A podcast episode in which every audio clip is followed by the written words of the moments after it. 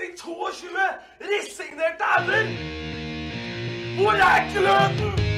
Hvor er engasjementet? Det er ingenting å tape!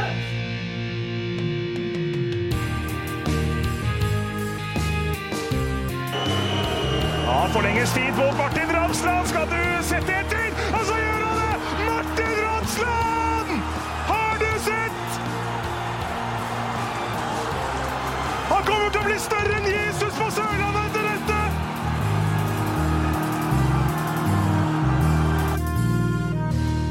Velkommen til en ny episode med Start en pod. Eh, Tom Iversen, hvilken episode har vi kommet til? Vi har kommet til nummer 35, og der har jeg dessverre ikke noe annet gøy å komme denne gangen heller. Nei, vi var 35 for noen år siden. Det kan vi Eh, oss med. ja, med. det kan vi Det gjelder for deg og Lars Benstad.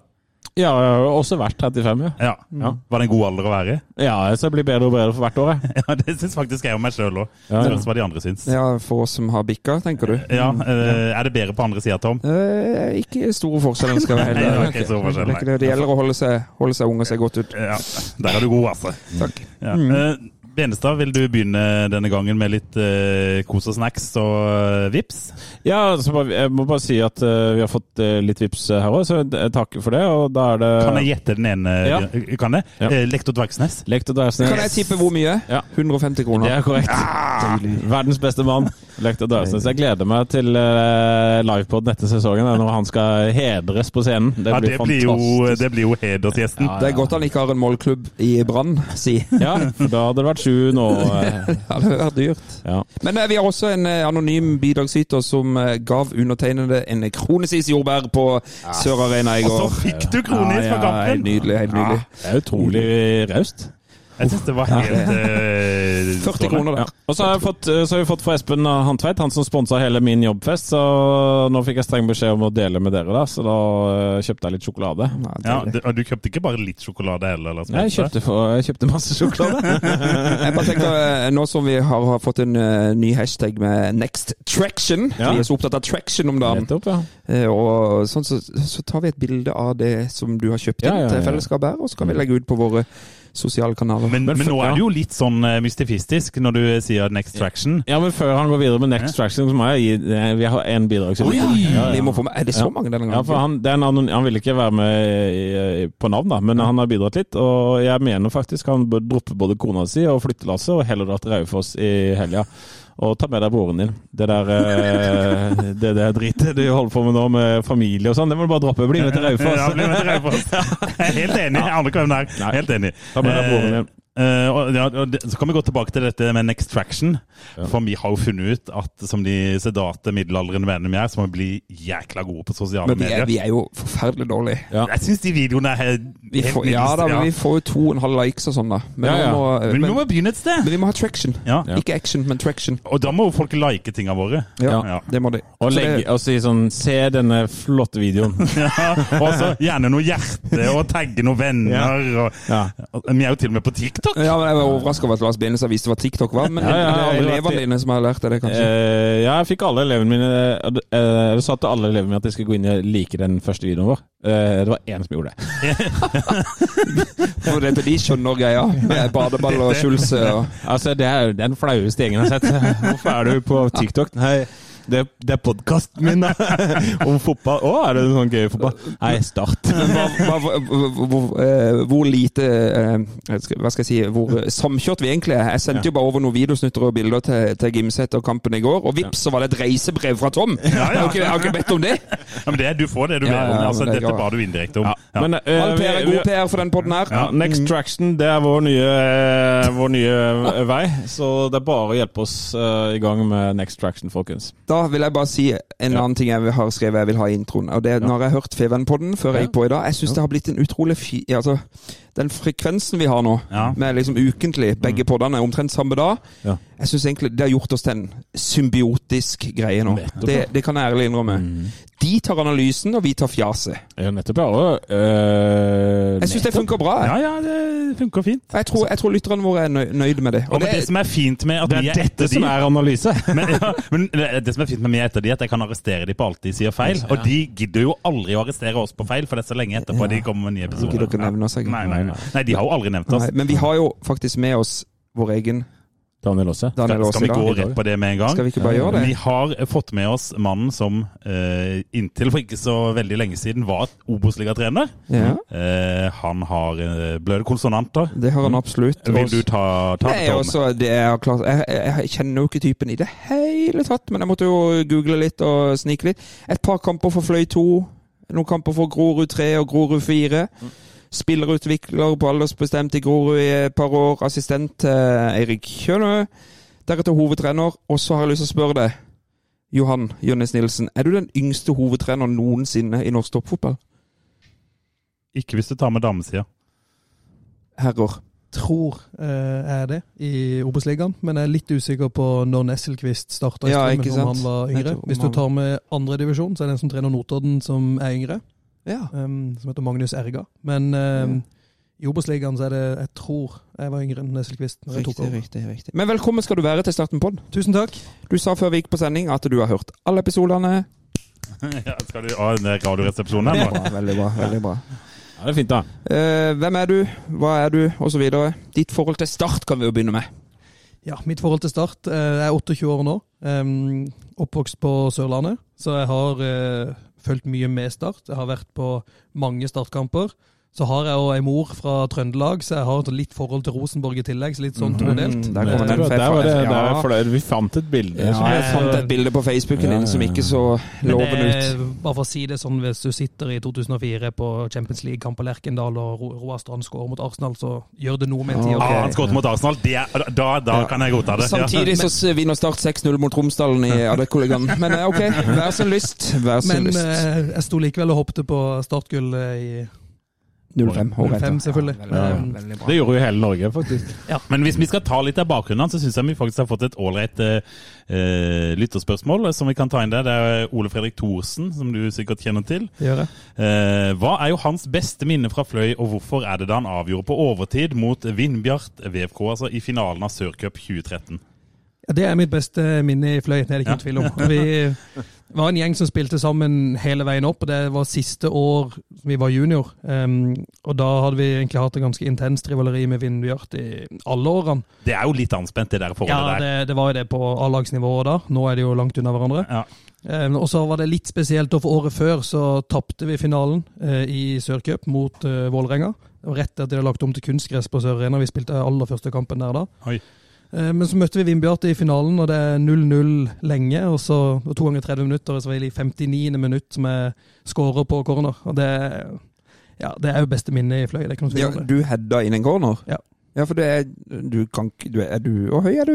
1,81. Ja, ok. Du er god God spenst og god timing, Ja, ja, ja, man kan få til. Hvor var det du spilte på banen da? Jeg spilte midtstopper. Ja, du, Å, en midtstopper som avgjorde på corner ett minutt før slutt. Det er deilig! Ja, det var Men eh, vi, euforisk. det er jo ikke, vi er jo ikke til å unngå at vi må, vi må touche innom eh, tida di i Grorud, og du har jo masse kjennskap til Obos-ligaen. Eh, Vi kan jo, vi har jo ikke toucha innom det ennå, men Start Stjørdalsblink i går. Skal vi bare Vi, vi, ta vi, vi den? begynner litt sånn, og så kommer vi vi tilbake igjen. Hva, hva sier du, Lars Benestad, mens du Men du, jeg har et lite take på inngangen der. Ja. Eh, fordi at eh, i går så spiller Start en kamp som alle oss her tror jeg er enige om, og spillerne og trener nå, er ganske middels. Eh, men for en gangs skyld så vinner Start en middels kamp. Altså, de er middels gode, men vinner 3-1. Eh, og du hadde et godt poeng på Twitter tidligere, der, Tom. Du skrev denne hadde blitt 2-2 i sommer. Ja, det tror jeg han hadde. Ja. Mm. eh, Har det skjedd noe? Ja, og dette hadde blitt, det hadde, dette hadde blitt tap mot Raufoss. Ja. Men da kan vi jo spørre han som kan mye mer om fotball enn oss. Hva tenker du om den kampen Start spilte i går? Nei, jeg er enig i at det er en middels eh, startkamp mot et eh, ikke så bra Stjørdalsblink også. Det er jo et bunnlag som eh, Men eh, jeg er enig i at jeg tror en måned, halvannen tilbake i tid, så tror jeg det hadde blitt 2-2, eventuelt kanskje kunne tapt kampen òg. Mm. Sett mer ut som de møtte Skeid hjemme. eh, og var fullstendig kaos. Mm, mm. Um, men det har uh, skjedd litt den siste tida, og det ser man i kampen i går. Eh, og det er det de får virkelig betalt for. Og at de har gjort de valgene de har gjort, og at de tør uh, å være liksom mye nærmere det Start var i januar-februar, enn det jeg syns de var i juni.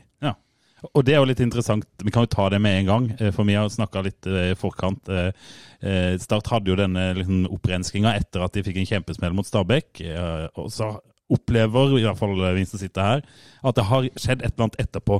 Er det en oppfatning du deler, at det har skjedd noe? Ja, det har skjedd veldig mye, syns jeg. Jeg Ja. syns Start har gått fra at de, når de har ball, at spillerne foran i banen står da og så på ballen og så på ballfører hva vil skje, frem og til nå er tilbake til at vi løper mot mål, eh, men, som vi var mye mer når de var i vinter òg. Men også det at når de først har skapt litt ubalanse i motstanderlaget, at her er det litt muligheter, så tar de det. Der de for en stund tilbake gikk tilbake, prøvde på nytt. Og det å skulle spille gang på gang mot elleve stykker som gjør alt de kan for å ødelegge, det er vanskelig. Det er det aller vanskeligste. Så de få gangene man har muligheten, så må man ta den. Og der syns jeg de har blitt mye bedre. Ja, for det er interessant det du sa om at de prøvde på nytt. For det var jo det de gjorde i, i hele sommeren. Det var at de gang på gang prøvde på nytt. Ja, og det var akkurat at i går um, som jeg, ser, altså, Sånn de var i vinter, og når de hadde antydning til mulighet til å gå framover, så tok de den, og så gikk det fort fremover, og da ble det muligheter. Ja. Uh, men så syns jeg de har blitt mer, eller i juni, i juli, var mer avventende, venta på skal noen andre gjøre det rette, hvem skal ta ansvar? Men hvorfor har det blitt sånn? Hvorfor tror du det har endra seg? Nei, de har jo snakka sjøl om uh, tydelighet, Uh, og det er fotballspillere som tenker. Uh, da er du ikke god fotballspiller. Hvis du stå, når du får ballen i foten og da begynner å tenke, da går det allerede for sakte. Ja, og det, det var mest sannsynligvis det vi gjorde da. Jeg syns de var stillestående, så egentlig Alle sto egentlig litt med ryggen mot målet vi skal skåre på. Og når de fikk ballen, OK, hva skal jeg gjøre nå? Nå syns jeg det er ut som spillere som er forberedt på dette skal jeg gjøre. Det er en felles forståelse utpå der på her skal jeg få ballen, og da skal du være Da skal Endong være på vei i bakrommet, og da skal Ja. Grundekjern og Holtan og sist være på vei gjennom. Ja. Og de jobber sammen. Der jeg syns de var mer én og én som så på ball og venta på at noen skulle finne på noe magisk. Ja. Eh, Det er det jeg lurer på, når man har liksom gått seg litt fast sånn som de gjør i sommer. Du har jo jobba inn i sånne ting som dette sjøl òg. Hvor vanskelig er det liksom å snu det der? Det ser ut som det har skjedd veldig fort, men, men hvor lett er det egentlig å snu noe sånt? Det er kjempevanskelig. Ja. Eh, Men så er det hvis du De fikk jo på en måte den eh, ja, ordentlig nedturen mot Stabæk, og når du tar en ordentlig opprensning, så er det, det, det er jo enkelt i seg sjøl å gjøre det, og sette seg ned og snakke sammen, og når alle sammen gi litt mer. Men når du da i tillegg får respons med en gang, og du får en seier, så er det så mye lettere å bygge videre på og fortsette med at det funka.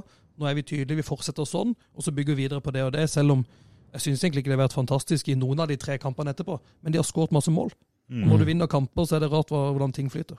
Ja, for det, det er jo er det, er det sånn, Ser vi oss litt blind på dette her? For er det, er det egentlig blitt så vanvittig mye bedre? Ja, fordi at de skaper mye mer sjanser enn de Ja, gjorde. For, så du setter deg sjøl muligheten til å skåre flere mål, og da har det blitt bedre. Selv om kvaliteten på motstanderne har vært så som så, så er det likevel et startlag som jeg tror ville skapt også mer mot bedre motstand, fordi det ser mye mer bestemt ut, og det ser mye mer samtidig ut. Ja. Eh, Det var jo eh, kanskje på første gang i, i går, så kunne du se at denne kampen kommer Start til å vinne. Altså Det handler bare om tid, så kommer målet. Uh, og tidligere i sommer så, så så vi jo ikke det tegnet. Altså, eh, de kunne jo gjort hva som helst. Emir kunne gått rundt og rundt seg sjøl i, i 88 minutter. Det hadde ikke skjedd noe.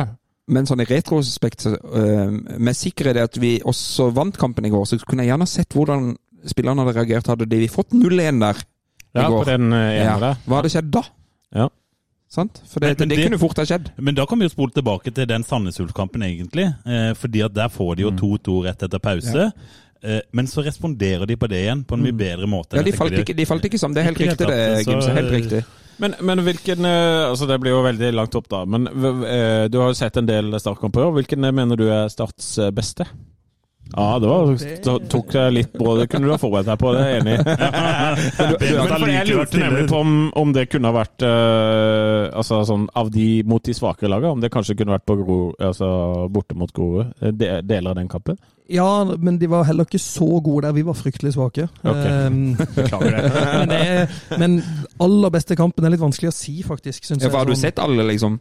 Stort sett. Ja, uh, men så er det innimellom en omgang, innimellom Ja, ja. eh, fulle kamper. Men var, altså mot Sogndal er de jo fryktelig effektive, og da viser de jo de tingene um, som du egentlig ser igjen nå, mot bedre motstand. Eh, og, de, og Sogndal var fantastiske før den kampen. Mm. Og så er Sogndal også, Men når ting virkelig flyter, så ser motstanderlaget dårlig ut òg. Altså, Ja. det, vil, det blir jo en sammenheng. Ja. Eh, og Så- når det er så presist. Så de, Start gjorde også, når vi møtte de i mai, så gjorde Start også dårligere. Det er ikke noe tvil om det. Jeg synes jo fremdeles, altså Den første omgangen mot Sandnes, den øh, det ennå hos meg. Ja, den var veldig god. Den Den var veldig god. Jeg syns vi var kjempegode. Ja. Syns det. Men, men hva fikk du ut av kampen i går, Lars Benestad, for å ha litt sånn eh, amatørsynsing fra deg òg? Oi, oi, oi, oi, oi, Ikke snakke dere sjøl ned. nå. Shots fired! Nei, er for å ta litt sånn eh, kvalifisert eh, Ja, tribunesynsing. takk, ja. Da redigerer jeg bort det forrige. Ja. Eh, nei, altså eh, Jeg, må- jeg syns jo at eh, Som jeg sa, så syns jeg jo at det så ut som Uh, jeg, jeg, jeg satt med en følelse av at dette kommer de til å vinne. Ja. Uh, jeg ble ikke så veldig imponert over Blink. Eh, så, men, men så kommer jo Blink til et par sånne ganske Det er jo en, det er jo en Jasper Ja, ja. Det er jo en Jasper-redning. Under 0-1, ja. Ja, ja. Og den redninga der er jo helt utrolig høy klasse. Den fått, er enorm, men det kommer i alle kamper. Vi møtte Grorud så har Grorud en på 0-0 på Ja. Sør Arena. Og Ja, de det det. fra to. Jasper nok en fantastisk redning. Så det Ja. kommer i alle kamper. Men du skal jo ha matchvinner i begge ender, på en måte, så du skal jo ha Jasper. Det er jo poeng til eh, at vi har han, da. At han får de redningene som eh, Vikne aldri tok. har, Og så er det jo selvfølgelig viktig å gi Start kred for at de har sagt at han er førstekeeperen. Ja. Vikne tok de en gang det var Grorud borte i fjorårssesongen. oi, oi, oi. Men så, så jeg, jeg, jeg følte meg veldig sånn eh, trygg, men jeg var samtidig nervøs på, eh, på eh, Fordi jeg var så redd for at det skulle likevel gå til helvete. At det ble en sånn kamp hvor du bare stanga og bomma og stang ut, og så, og så var liksom hele det der uh, uh, At det var bare fullstendig parkert igjen av 0-0, og Kjelmeland skal gå. og Det var på en måte Jeg, jeg syns det var deilig at vi ikke tapte. Og så Blink er et lag som det skal jeg, Dette spørsmålet her skal jeg bare overføre videre til Johan. Blink er jo et lag som helst bare skal ødelegge og gjøre det vanskelig. Sånn at det, det blir jo litt sånn, blir det ikke? Jo, de kommer til Sør Arena for å mure igjen og prøve å ødelegge, og så legge seg tilbake på elleve mann. Vi skal gjøre alt vi kan for å ødelegge, og det er vanskelig. Men, men er det sånn at de gjør det hele kampen, selv om de ligger unna? Ja, de, de prøver litt mer, for de løfter presset sitt litt oftere, men de, de prøver jo på det samme. Vi vil, de vil få brudd, eh, og prøve å kontre på start, og det er Ja. jo en av de få mulighetene som er til å ta start på. Ja. Og så har de jo to ganske ryddige spisser, syns jeg. Ja, de, Til å være et så dårlig lag, Ja. med all respekt. Det er det, og de har skåret uh, Måte Lillebo skårer jo hver gang han er på banen. Men, men jeg bare spør Johan, de, de, disse typiske hva skal jeg si, dårlige lagene, beklager, men Grorud, altså disse som har Ja, ja, Han ja. jobber ikke i Grorud lenger. Nei da. Drittlaga, kan vi si. Drittlagene der. Men, men, men når Grorud for eksempel, nå klarte vel dere faktisk poeng på Nadderud eksempel, eh, Ja. men, men når de møter eh, litt større klubber på bortebane, så eh, jeg føler på 0-0 og sånn, så får alltid disse lagene en sånn kjempesjanse.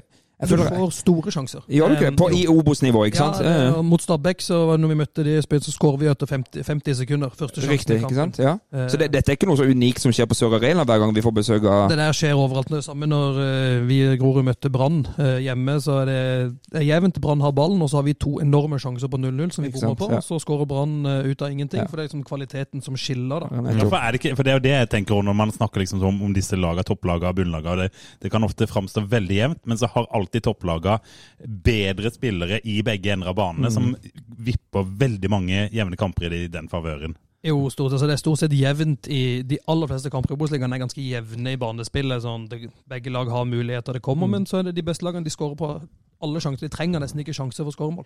Ja, for, for det var det jeg eh, tenkte litt på når vi ser tilbake på Start, de tidligere åra Start har rykka opp. Eh, disse gråværseierne, som jeg valgte å kalle det, når de vinner sånn 2-1 hjemme Og mot 20 Åsane. grader på Sørlandet går. Ja ja, men, men uh, metafor har du hørt om det? ungdomsskolelærer Venstad? Matematikk er Ja, mitt fag. matematikk han er, er ikke norsk. Eller. Eh, Men så har de, det hvis du tar tilbake til sånn når de har rykka opp med Mjelde eller rykka opp med Tau Det er jo det er jo en del kjedelige kamper som Ja, de ja. vinner sånn 2-1. Du er ikke imponert i det hele tatt, men det er tre poeng. Det er tre poeng, og det er masse av de seierne der Det er som de ikke Start har tatt i år. Ja. Mm. Men vi har det litt, i starten av sesongen så er jo Brunes litt der at han skårer på alt. Ja. Eh, og da får du liksom OK, vi vant. Eh, litt, litt sånn, men du, han skårer på de største sjansene sine, og så er man plutselig 1 og 2-0 foran, og da, da henter du det inn, da. Ja, det er det du gjør. For det, det, Du merker det kanskje først en dag når du ikke setter disse sjansene, ikke sant? Og da Ja, vi hadde jo Oskar Haga i fjor i Grorud som Ja. skåret eh, 24 mål og bikka alle jevne kamper i vår favør, Ja. så du merker når sånne spillere ikke er der lenger. ja. Nettopp. Og, og, og det er jo kult at du sier Fordi eh, hva gjør det med, med et lag at du mister en som Brunes? Eh, For det første, så, eller Start mista han jo først eh, mentalt, og så fysisk. på en måte. Så, så hva gjør det med spillet? At du i starten har en som er helt eh, sinnssyk til å skåre, og er den matchvinneren. og så bare Og så plutselig forsvant jo Falenius òg, da. Ja. I samme Så, eh, og så i løpet av sesongen så har man bytta nesten hele, hele det eh, greia der, som jeg har lyst til å kalle det kjør analyse. litt todelt. Eh, hvis jeg først begynner med kvaliteten du mister, så er det så du kan komme til de samme sjansene etter at Brunes er borte, og så bommer du på det, og du så kommer på sjanse på sjanse på sjanse og bommer. Så blir det en sånn frustrasjon nesten over at vi kommer til sjanser, men vi skårer ikke. Og frustrasjonen når motstanderlaget da skårer, blir mye enda større. Mm. sånn, og vi har hatt fem sjanser, vi har ikke skåret, og så skårer de på sin første. Og da er havner du i en negativ spiral. Eh, Men så syns jeg også det er sånn Når du mister spillere som Braut og Falenius, så det første man gjør som trener, er jo å fortsette å sette inn spillere og prøve å spille likt. Ja. eh, Og se hvordan blir dette. Så Start fortsatte jo egentlig sin 5-4-1-3-4-3-formasjon eh, og så ganske like ut. Um, og så ser du nå, eh, og som de har bytta til litt før, og når de nå har lagt om å spille 3-5-2, som de har bytta litt på i løpet av sesongen, men med de spillerne de har nå, så syns jeg de er mye mer naturlige i sine roller, og at de dermed også er bedre. Og du får nå de tre siste kampene flere spillere oftere i boks, som gjør at når Schulze indreløper kommer på sine løp, så er det to mann til i mm. boksen som skaffer han rom. Motsatt Ja. så kan det være bare én spiss, og da er det lettere å plukke han ut. Betyr det, øh, eller betyr det altså det at Schulze nå får spille øh, der, øh, gjør ganske mye Nå er jo han blitt Ja. en veldig viktig spiller for øh, Start. Han har vært det lenge.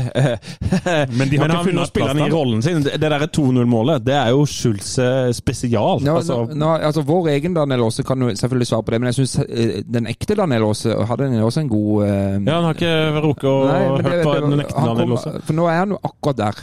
Ja, Schulze, ja. Og hvis jeg ser bevegelsen til Schulze før denne 2-0-skåringa tripper inn i boksen. Han vet at han kommer der. Tom Ja. Strandegård vet at Schulze gjør seg klar der. ja, ja. Og så får han hjelp av disse to andre indreløperne som Ja.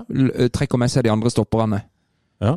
Og så ser du hva som skjer Du skal, eh, du skal bekrefte det. Men du ser hva som skjer når Schulze scorer. Det er pur startglede. Det gule og svarte hjertet hans, det bare pumper. Ja, han, kysser, han kysser gifteringen sin først, men det, Ja, ja. han Men altså, han er jo gift med eh. Nei. Ja, altså, La meg leve løgnen, da. Herregud. Nei, men uh, Fortell litt om Schulze og indreløperen der. Nei, altså, Hans klart beste posisjon for på banen er som indreløper. Uh, Hvorfor det? Det er noe med hva han er best til. Han er best når han har hodet sitt mer til min oppfattelse mot mål og er på vei fremover i banen. Når han blir stående som han ble i starten av sesongen i mellomrom og på en måte se på ball og skulle motta ball feilvendt, stillestående, og så skape ting derfra. Det er ikke da jeg syns han er best. Når han heller kan komme med gjennombruddskraft og motta ballen i fart, eller inn bak motstanderen. Eller som man har skåret litt mål i det siste, når gjennombruddet skjer motsatt, og han kommer og fyller opp i boks. Så ser man jo det som de har vært gode på i det siste, og er jo når Kristoffer Tønnesen får vendt spillet helt over. Eh, og de involverer høyresida, og han kan dra rett gjennom og skape trusler på samme side. Så det, jeg syns han blir mye mer dynamisk eh, når han spiller der, og mye vanskeligere å fange opp enn når han blitt stående i ro litt sånn inne i banen. Men da blir jo naturlige spørsmål å stille er, er, er er Spilte Schulze der han spilte tidligere fordi Start ikke hadde noen andre alternativer, eller var det på en måte en tabbe av, eh, av Kjelmeland i dine øyne? Kjelmeland må gå! Nå tror jeg Sindre skjelver litt for hva jeg skal si her. Nei, altså Hvis du skal bruke Eirik Schulze, syns jeg du skal bruke han som indreløper. Ja. For det er der han er best. Men det går jo på når du har Falenius og Braut Brunes, er det litt sånn ok, hvem skal vi sette ut for å sette inn en spiss nummer to for å bruke Schulze? Ja. Så det blir jo den oppveininga der hele tida. Og så hadde man jo egentlig bare én spiss på det tidspunktet. Um, når man nå har ja, egentlig også bare én spiss sånn sett, men Grunde Kjerner har løst den rollen meget bra, selv om han egentlig aldri har spilt spiss før i livet sitt. Ja, det er litt interessant, eh, for nå begynner jo folk å komme tilbake da, og alt mulig sånn. Sånn, Men det, men, det, men det virker jo som, selv om han ikke har spilt i akkurat den rollen, så virker det jo som det er et eller annet som faller han sånn tålelig naturlig i hvert fall å spille der. Ja, og i Fløy var han jo mye dypere i banen og spilte egentlig og vant baller og var litt ballfordeler og løp igjennom. Men her, det ser ut som det er helt naturlig for han å løpe rett i bakrommet og skape sjanser. Så det, det er godt observert og godt gjort av treneren. Men ja, ok. Det var jo, da endte du opp med å skryte. Det var jo fint. Da. Men, men, eh, for vi er jo glad i det. Voff, voff. Det er 100 voff, det er det. Men Pål Jørgensen eh, in insinuerte at vi var logrende hunder. Da fikk du den. Ja, ja, fint. Men, men et- uh, jeg mista jo hele momentum i spørsmålet. Uh, faen, altså. Men vi, altså, Erik Schulz var jo nesten avskrevet i starten av sesongen. For dette, uh, Det funka jo aldri. Det funka ikke fordi Kjelmeland valgte en annen eh, formasjon. Mm. Unnskyld, litt sånn gammel eh, covid i halsen her. Men, Eh, men men eh, man har jo sett en eh, vanvittig endring på Erik Schulze, fotballspilleren Erik Schulze, etter at han gifta seg og Sindre Kjelmeland tok til fornuft og begynte å spille 3-5-2. Ja. 3-5-2, det blir man jo varm i sjela. Ja. Jeg kom på grunnkjent spørsmål. Ja. Fordi er han eh, eh, Du har jo sett flere kamper. Er det stor forskjell på Grundekjern når Start møter gode lag, enn når de møter eh, drittlag, som vi liker å kalle de Grorud andre? Ja, han har jo oftere vært god mot eh, de svakere lagene. Eh, Ja, men hvor Det er greit at han er god mot de svakere lagene, men er han dårlig mot de gode? Nei, jeg synes han blir pre... Eller han er en av de som når Start sliter, så har han forsvunnet litt bort. Det syns han at han har blitt bedre de siste kampene. At han tar mer ansvar. Det synes, og det er naturlig han har kommet i år. Han kommer fra lavere nivå, så liksom det er ikke han som skal bære laget. Eh, men der syns jeg nå Nå ser det ut som en spiller som er ute på der for å ta ansvar, og han går foran og virkelig prøver. Og jeg tror det er en som de andre tenker at ok, hvis han får ballen, så skjer det ting. Mm. Eh, Så han har jo gjennom gode prestasjoner, så er det rart hva de gjør med selvtillit, men også med status i spillergruppe, som jo betyr mye. At de tør å bruke han mer. Ja, at de tenker at han gir vi ballen, for da skjer det ting. Ja, nettopp.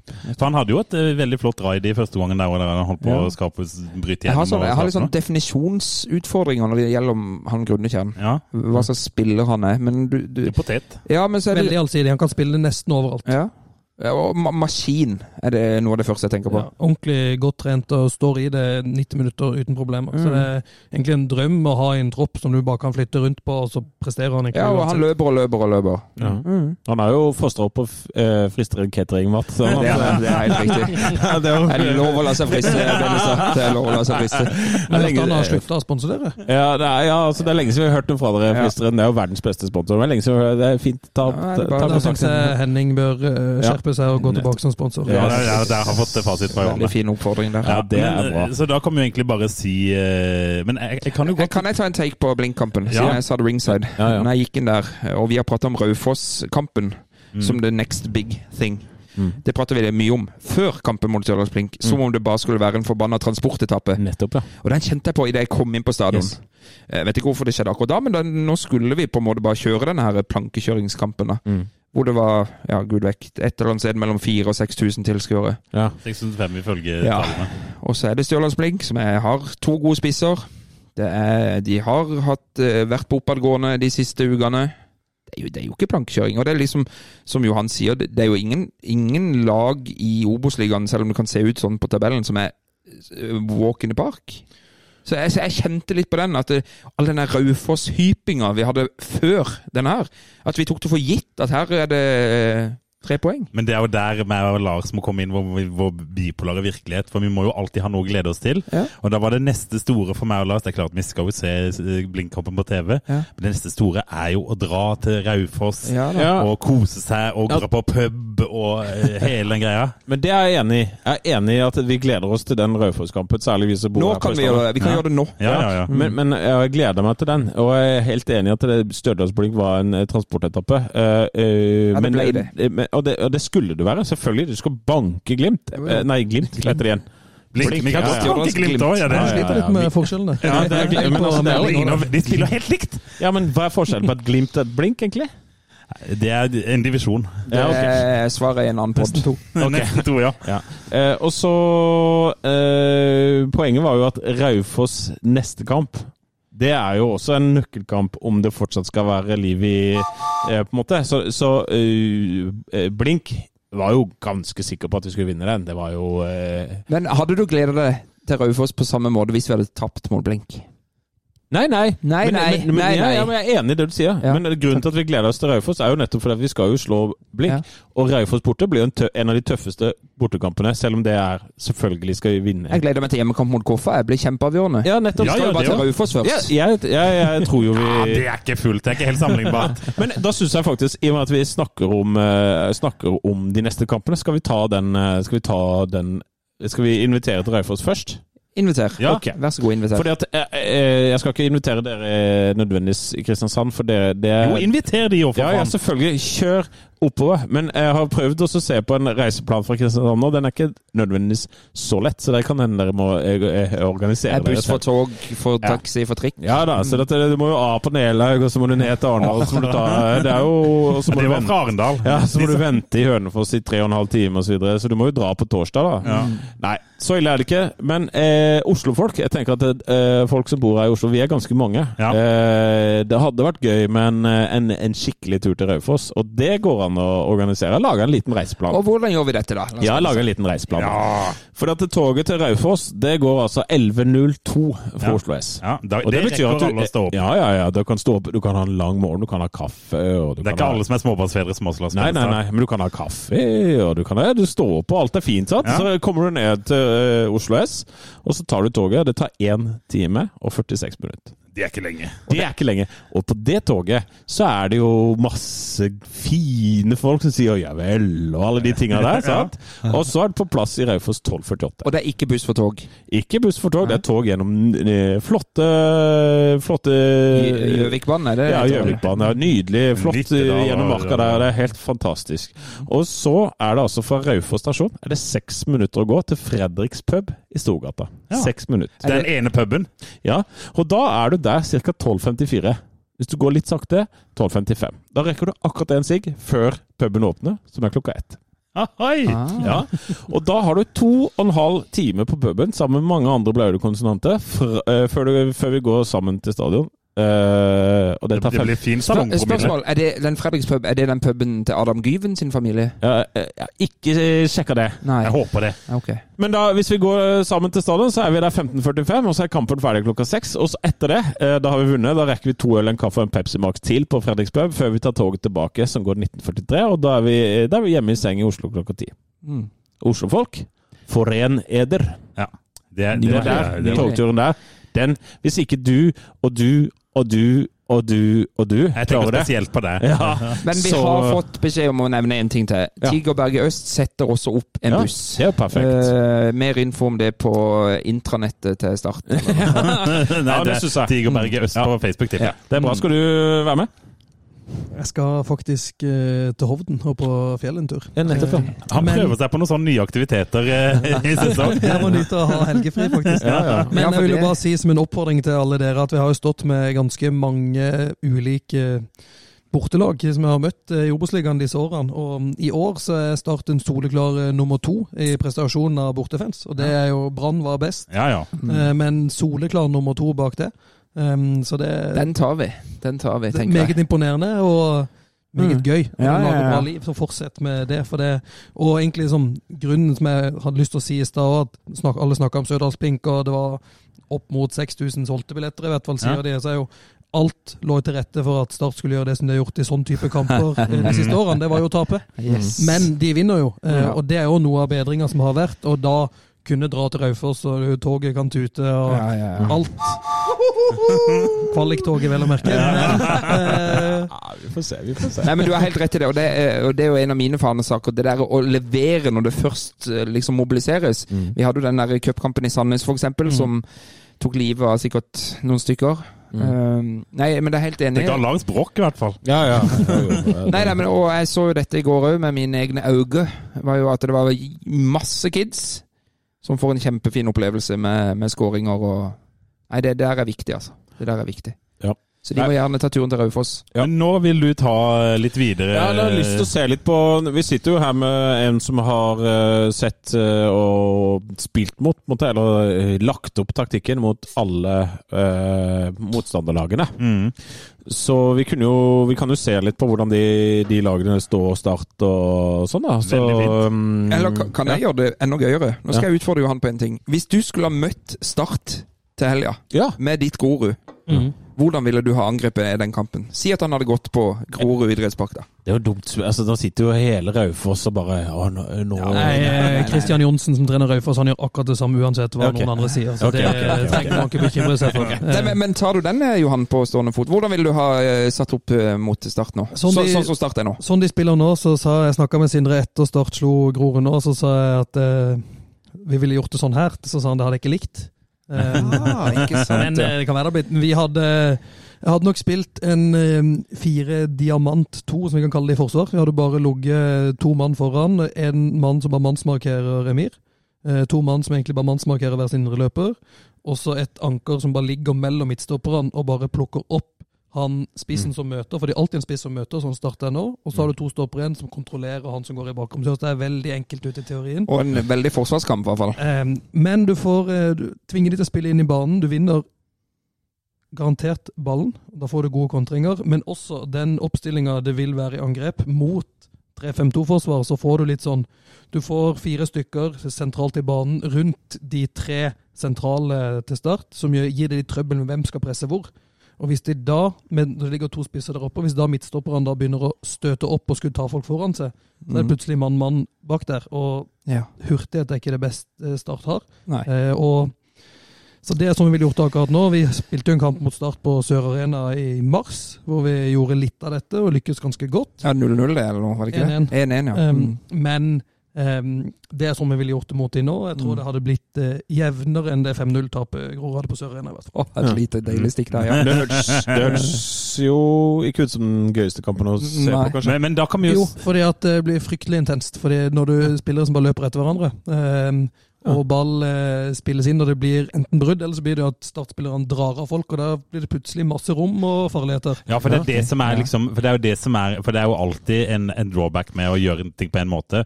Så når man ligger sånn mann-mann, så er det sånn Drar én startspiller av en av sine opphassere, så skaper man på en måte overtall med en gang. Ja, og så er det litt, du får den der sjokkeffekten med at ting er ikke som man forventa. Vi gjorde samme mot eh, Stabæk eh, på Nadderud 16. mai, som spilte da ganske likt som Start spiller nå. og Alt var fint til pause, og så endrer Stabæk litt, og da skal du begynne å endre tilbake. Og så er det noe med kvalitet, og plutselig så utjevnes ting. Du nevnte Christian Johnsen, som eh, er trener for Raufoss. Jeg husker han sa det etter den 2-2-kampen på Sør Arena, at det var utrolig lett å forsvare seg mot Start på den tida der.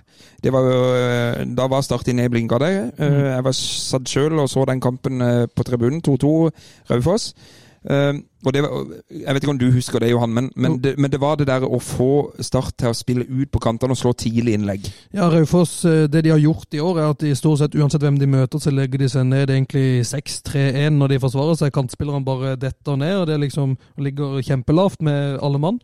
Og da er det vanskelig. Eh, men jeg tror Start, som de spiller nå, har mye bedre forutsetninger for å lage trøbbel for dette enn når de møttes sist. Da spilte de med kun én spiss og to mann i mellomrom, som egentlig sto bare ble plukka opp av de fire som bare lå og holdt det tett hos Raufoss. Nå blir det mye mer dynamisk med flere folk inn bak, men også vanskeligere å plukke hvem kommer nå. Um, og jeg tror det kan skape trøbbel for et Raufoss-lag som slipper inn en del mål, men også skårer en del mål. Uh, og så er spørsmålet på kontringsspill imot, fordi der har Start slitt litt. Et, uh, også det når de spiller 3-5-2, Emir ligger alene der, Ja. um, og ikke har all verdens fart på de tre bak, så kan du bli straffa på kontringer. Uh, men du får noe, du mister noe. Og da, da må jeg bare legge til en Over to, ting. over to og et halvt mål i den kampen. Ja, da må jeg bare legge til en ting. Ja. Hvis du da hadde vært starttrener, hadde du tenkt sånn når det da kommer til ny sesong etter hvert, så hadde du tenkt sånn En av de første tingene jeg skal skaffe meg her, det er litt mer hurtighet i den der stopperreka mi. Ja, når du spiller med tre mann, så bør du ha, tenker jeg, en som er litt egentlig har egentlig fysikk og tempo som sin forse. Ja. For da kan du mye tryggere ligge igjen med bare Emir. eller det er jo noe, og Noe av grunnen til at start, starta sesongen i, med to dype sentraler, for også å ha bedre kontroll på kontringer mot. For da er flere folk bak ballen, og da er du mindre sårbar. Mm. Men det er bare det, er sjelden man hører uh, motstandertrener sier i et, et intervju etter kampen at, eh, at, det start, at det var enkelt å forsvare seg mot Start. For det var disse, mener jeg at han, Men Ja, han sa det, sa, det- forutsigbart, ikke Ja, sant? det var så forutsigbart hvordan Start spilte. Og samme var det jo den Kongsvinger-kampen uh, som dere sikkert husker med skrekk og gru. Ja. Kongsvinger ligger lavt ved 5-4-1, som de Mm. lå, bare lå og venta og start på det tidspunktet det ble Som jeg var inne på, du ble stående og feilvendt og se på ball, og vente. ballen gikk bare fra én mann til neste mann, der de Mm. nå flytter ballen over mye større avstand, mye oftere. Og Ikke bare spiller til nærmeste. Og så er det jo det, Dette var Daniel Aase innom i andre år, men han sier jo at eh, når Start liksom klarer å komme seg rundt på kant og klarer å liksom slå inn i boks fra inni Ja, ja. 16-meter ble mye De jobber seg liksom Mm. rundt og ikke stå så bredt Det så jeg jo i starten av kampen i, i går, så var det mange tidlige innlegg. Ja, altså, og Med en gang de kommer f.eks. Eh, Strandegård på Ja. Schulze sitt Ja, ja. mål, kommer inn i boks, slår ut, der ligger Schulze. Helt riktig. helt riktig. Men nå følte vi nå, Det er ti minutter siden du prata nå. Vi måtte bare ta den analysen. Ja, det er greit. Jeg, Du jeg fikk jeg, Ja, ja, ja, ja, Jeg ja. gått på do og Ja, var spørsmål litt, Lars. Ja, Hvorfor kommer til å ligge lavt i Ja. 6-3-1? Ja. Um, 6-3-1. når de forsvarer seg begge kantspillere De angriper egentlig 4-5-1, så begge kantspillerne detter på utsida av bekkene sine. Det blir smal med alle fire bak. Det blir seks bak, tre på midten og én foran. På midt på egen halvdel, og håper på at det skal gå bra. Og jeg bare ser de kontringene imot. Men, men, men altså, jeg ser bare på Raufoss siste, siste seks kamper, da. Så spilte de 2-2 mot Stjørdalsblink. Ja. De tapte 3-0 mot Brann, det er greit, da. Uh, og så tapte de eh, hjemme 0-1 mot Kongsvinger. Og så tapte de 5-0 mot Bryne. Og så slo de jo Fredrikstad. Og stakkars Fredrik. Det der De er jo så jo-. Altså, det der er jo en klubb som er tilbake altså, det er sånn, nå, har vi vært så, nå har det gått så bra så lenge. Nå må vi begynne å, å, rakne igjen. Sånn som men folk er sikkert det som Veldig, litt veldig lite overraskende med Fredrikstad. Ja, Eh, hvorfor, det? hvorfor det? Um, ja, to ting. ene er eh, de mista sin klart beste spiller fra i fjor, Ja. med Ishmael. Men eh, hvis du skal ha en gøy fun fact fra fjorårssesongen, så Fredrikstad hadde vel en ni eller ti mål hvor de skyter fra utafor 25 meter via en motspiller, og ballen havner i beina på en Fredrikstad-spiller som kan skåre. Um, så de hadde en enorm flyt Ja. eh, og uttelling på det, og de hadde samtidig en voldsom entusiasme i laget etter opprykket, men de hadde en flyt ut av dimensjoner. Ja. Um, så jeg hadde tippa de på en sånn 9.-10.-plass i år, så vi tippa vel låst Det gjorde ikke vi. Nei, nei, dere jeg lo godt. eh, Nummer to der! Ja, ja. Men jeg syns hun det traff på Grorud, da. Ja, ja, ja, ja det, det, det kommer vi tilbake til. Uh, ja, Det- vi, kommer, vi kommer til å treffe på start òg. Men eh, neste kamp. jeg syns det var fin eh, så, og så slo de Fredrikstad, og så tapte de 2-0 mot Stabæk i dag. Uten å så, eh, ikke sa de, de eh, skårer en del. Det er jo å ta i, da. Men det der 6-3-1-kjøret du nevner, som Raufoss legger og sier Jeg ser okay, Ok, bare ignorer spørsmålet mitt. Det er greit. vi, vi er jo i samme gate. De, bare- hvis du ser kampene før de fem siste, så skårte de en del, men de er som sagt inne i litt sånn blindgate. Ja, ja. Fint tidspunkt å møte de på. Perfekt tidspunkt for å starte møtet. Ja, så får man se nå på start om dette blir en sånn ny 'nå Yes. møter vi et lag, og vi skal hjelpe sant? dem med å snu sin trend', eller om de skal fortsette som de har gjort nå, Nettopp, ja. og bare dundre på. De hjelpeløses hjelpe, som Davy ville ha gjort. Han kaller de Brann det, men det er det jo definitivt ikke. Når jeg hører Johan si 6-3-1, jeg må bare si det, så ser jeg jeg har et bilde i hodet med en gang. Og det er at Start angriper med mange folk, og at det er kun Emir som ligger litt, litt dypere enn alle andre når vi er i angrep. Og så får vi et brudd der. Da er det fire mot fire. Ja, ikke sant? Med, og hvor vi har eh, lite hurtighet. Hvordan er hurtigheten på topp hos Raufoss? Den er heller ikke sånn okay, sinnssyk. takk. Så For da er Luke Marius er nok. Ja, det Ja. bør være. Og så er det jo såpass vi, Når de ligger så lavt, hvis de vinner ballen midt på egen halvdel, så skal du ha god nok tid, og du Ja, har en dong som kan løpe raskere enn alle. Så hvis han, Hvis han vil. hvis han stiller om, så går det fint. Ja. Har, Eh, har du prøvd badebasseng som eh, løsning på eh, å få en spiller på glid igjen? Har du prøvd det? Det, eh, det skal man ikke kimse av. Altså, en dong etter det der eh, badeturet, han har jo vært helt eh, outstanding. Han har et eh, toppnivå som han har vist uh, ved ujevne mellomrom, som er Ja. helt sinnssykt. Og så er jo samtidig bunnivået også Ja da. det tilsvarende. det. Men det er jo lenge siden jeg har sett bunnivået hans nå. Ja. Han har hatt flere kamper. Han er en av de viktigste eh, nå for å skape det uromomentet som andre Men nå spiller kan Start spiller hakket mer direkte, selv om de fortsatt Ja. har masse ball. Og det er lettere, tror jeg, for han som spillertype, at eh, han kan lettere Nå kommer gjennombruddet. Ja. Det er lettere for alle ut på det å si nå går vi fremover, nå skjer dette, enn at man Ja. blir Skjer det nå? Skjer det nå? Og sånn, Hvis du da ligger ute og venter, og da, da er du alltid på etterskudd, da. Mm. Men du, eh, så det var Raufoss-kampen. Du måtte ta noen av de andre og bare litt sånn kjapt, Ja. kanskje? Ja, og så etter det så er det jo Altså, når vi har slått Raufoss, da, så er det jo uh, Koffa hjemme. Ja, Ligaens beste kontringslag. Ja. Au. Oh, ok. Ja, ikke sant? Men vi slo de borte, da. Ja, Ja. men da kontra det ikke. Men nå, nei, da lå Start ganske lavt Mm. også, så det er jo, men nå tapte Koffa i dag. Ja, Vi Eh, tapte 3-1 mot Kongsvinger. Dere kan jo gjette hvem som skåra. Adam Given hadde sikkert to. var? Adam Given hadde to. Hvem Ja. tror du hadde den siste, da? Bringaker. Ja, det er helt Jeg har ikke sjekka, men det måtte jo være. Ja, ja, Mm. Koffa fikk rødt kort og greier. ja, det var på overtid. Ja. Det er Laveris. Ja, Er han viktig? Ja, han får jo spille ned en kamp imellom, så det okay, går nok fint. Okay, okay. Så er det noen landslagspauser og sånn før Koffa her. Altså. Ja, det er lenge til. Ja, En, en eh, Dong skal jo sikkert ned til Afrika, og så gidder han ikke hjem med en gang, og så mangler vi han til den Han kampen. basseng i Ja. eh, Men Oi, Koffa Ja. har jo faktisk fem på rad i før denne. det har de. Um, og de ligger på opprykk, og der er det høye hatter. Det er mye int- Eurosport-intervjuer med alt som kan skje i alle som skal opp i Eliteserien. Men det som også kan skje, at Koffa vil jo også ha ball. Uh, Ja.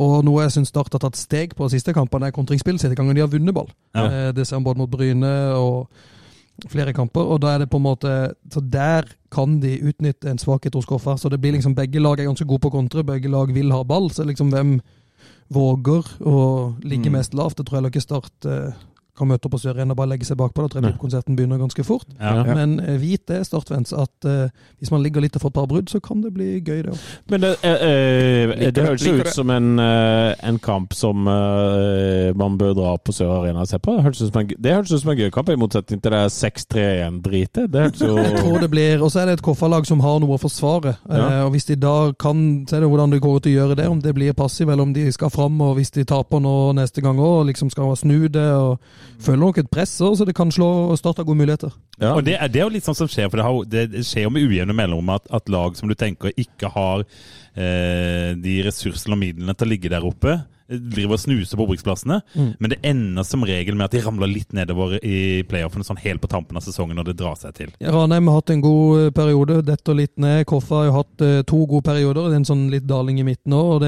Sånn har de hatt litt hvert år. og Det er jo litt sånn i Obos-ligaen når man vinner ofte en tre-fire kamper på rad, og så gjelder det å gjøre det oftest altså på riktig tid. Mjøndalen starta sesongen med fem på rad, og så Har det vært en skandale? Ja, eh, så får vi se. Men det, mm, så det er sånn, hvor møter du det? Og så etter en landslagspause så det kan jo spille inn litt på hvordan ting ser ut. Ja, og så er det jo eh, Start har jo tradisjonelt hatt eh, god eh, God, godt drag på høsten? Ja, og så har de jo hatt eh, De har jo slått, stort sett slått Koffa. Ja, det har de faktisk. Ja, så um, Jeg har sett et par ordentlig dårlige kamper mot Koffa som de har vunnet. Husker i fjor eh, oppe på Ekeberg der? Uh, ja. Noe av det verste makkverket jeg har sett, men de Ja, de vant 2-0. det var jo den gangen Sindre måtte gå litt på kompromiss med seg sjøl. Ja, det var det. For da var det Det Lå okay. lå litt. start lavt og kontra. Da, Ja. Ja, men, eh, Da er det tre poeng mot Raufoss, og så er det, er det tre poeng mot Koffa òg. Jeg tror sjansen er større dessverre for ett poeng på Raufoss og tre poeng mot Koffa. Ja, jeg ok. ser- Så Jeg er egentlig enig med Johan der. Det Det er jo ikke helt skandale, det, da. nei da, men Men, Raufoss-kampen er uh. Jeg håper Start slår Raufoss, det gjør jeg. For jeg unner de veldig lite godt. Ja, nettopp. Du er ikke noe glad i Raufoss? Skal vi ta en uh, jingle før vi uh, hører hvorfor han ikke er noe glad i Ta Raufoss? Ta, ta, den, ta den som vi gleder oss til å høre på Raufoss.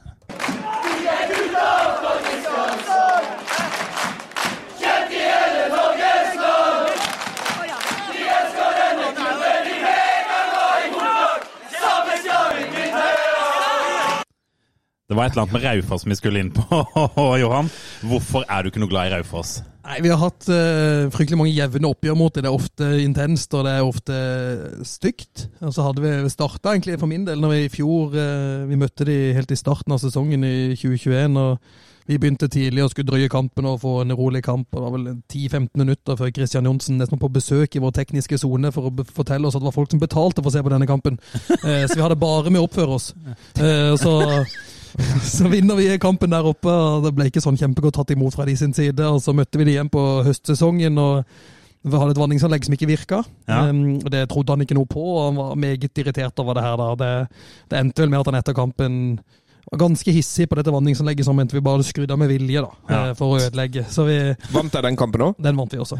det det så vi har hatt litt han- sånn uenigheter, men eh, Det, det høres ut som han ikke vet hvordan det er på anleggsfronten i Oslo kommune. Nei, det er helt Men samtidig så er det det han har fått til i Raufoss. Ja. Det er veldig imponerende. Så, det, så vi, har ikke, vi har aldri hatt noe god tone sånn klubber mellom. Nei. Eh, Men det har alltid vært intenst. Men de får jaggu til ting der oppe, så det er imponerende. Ja, han er jo en ekte Raufoss-legend. Han, ja. han skårte vel på Kristiansand stadion i 2003. Han. I den der Yes. 2-7-kampen. Mm, Yes. Riktig, riktig. Nei, men Du eh, var jo i gang med en stadig avspora gjennomgang av kampprogrammet, Lars Benstad. Ja. Vil du fortsette på den? Skal, skal vi prøve å holde kjeft i ti sekunder? Raufoss, Raufoss eh, altså vi, Nå er det jo faktisk det at Johan har sagt ett poeng Raufoss, tre poeng Koffa. Ja. Og så eh, er det jo jeg, sier det bare fordi at jeg bor på Torshei. li- Litt mitt, sånn, litt mitt kjære Skeid. Eh, bortekamp der. Kjære Skeid. Ja, uff. Ja. Litt. Men ja.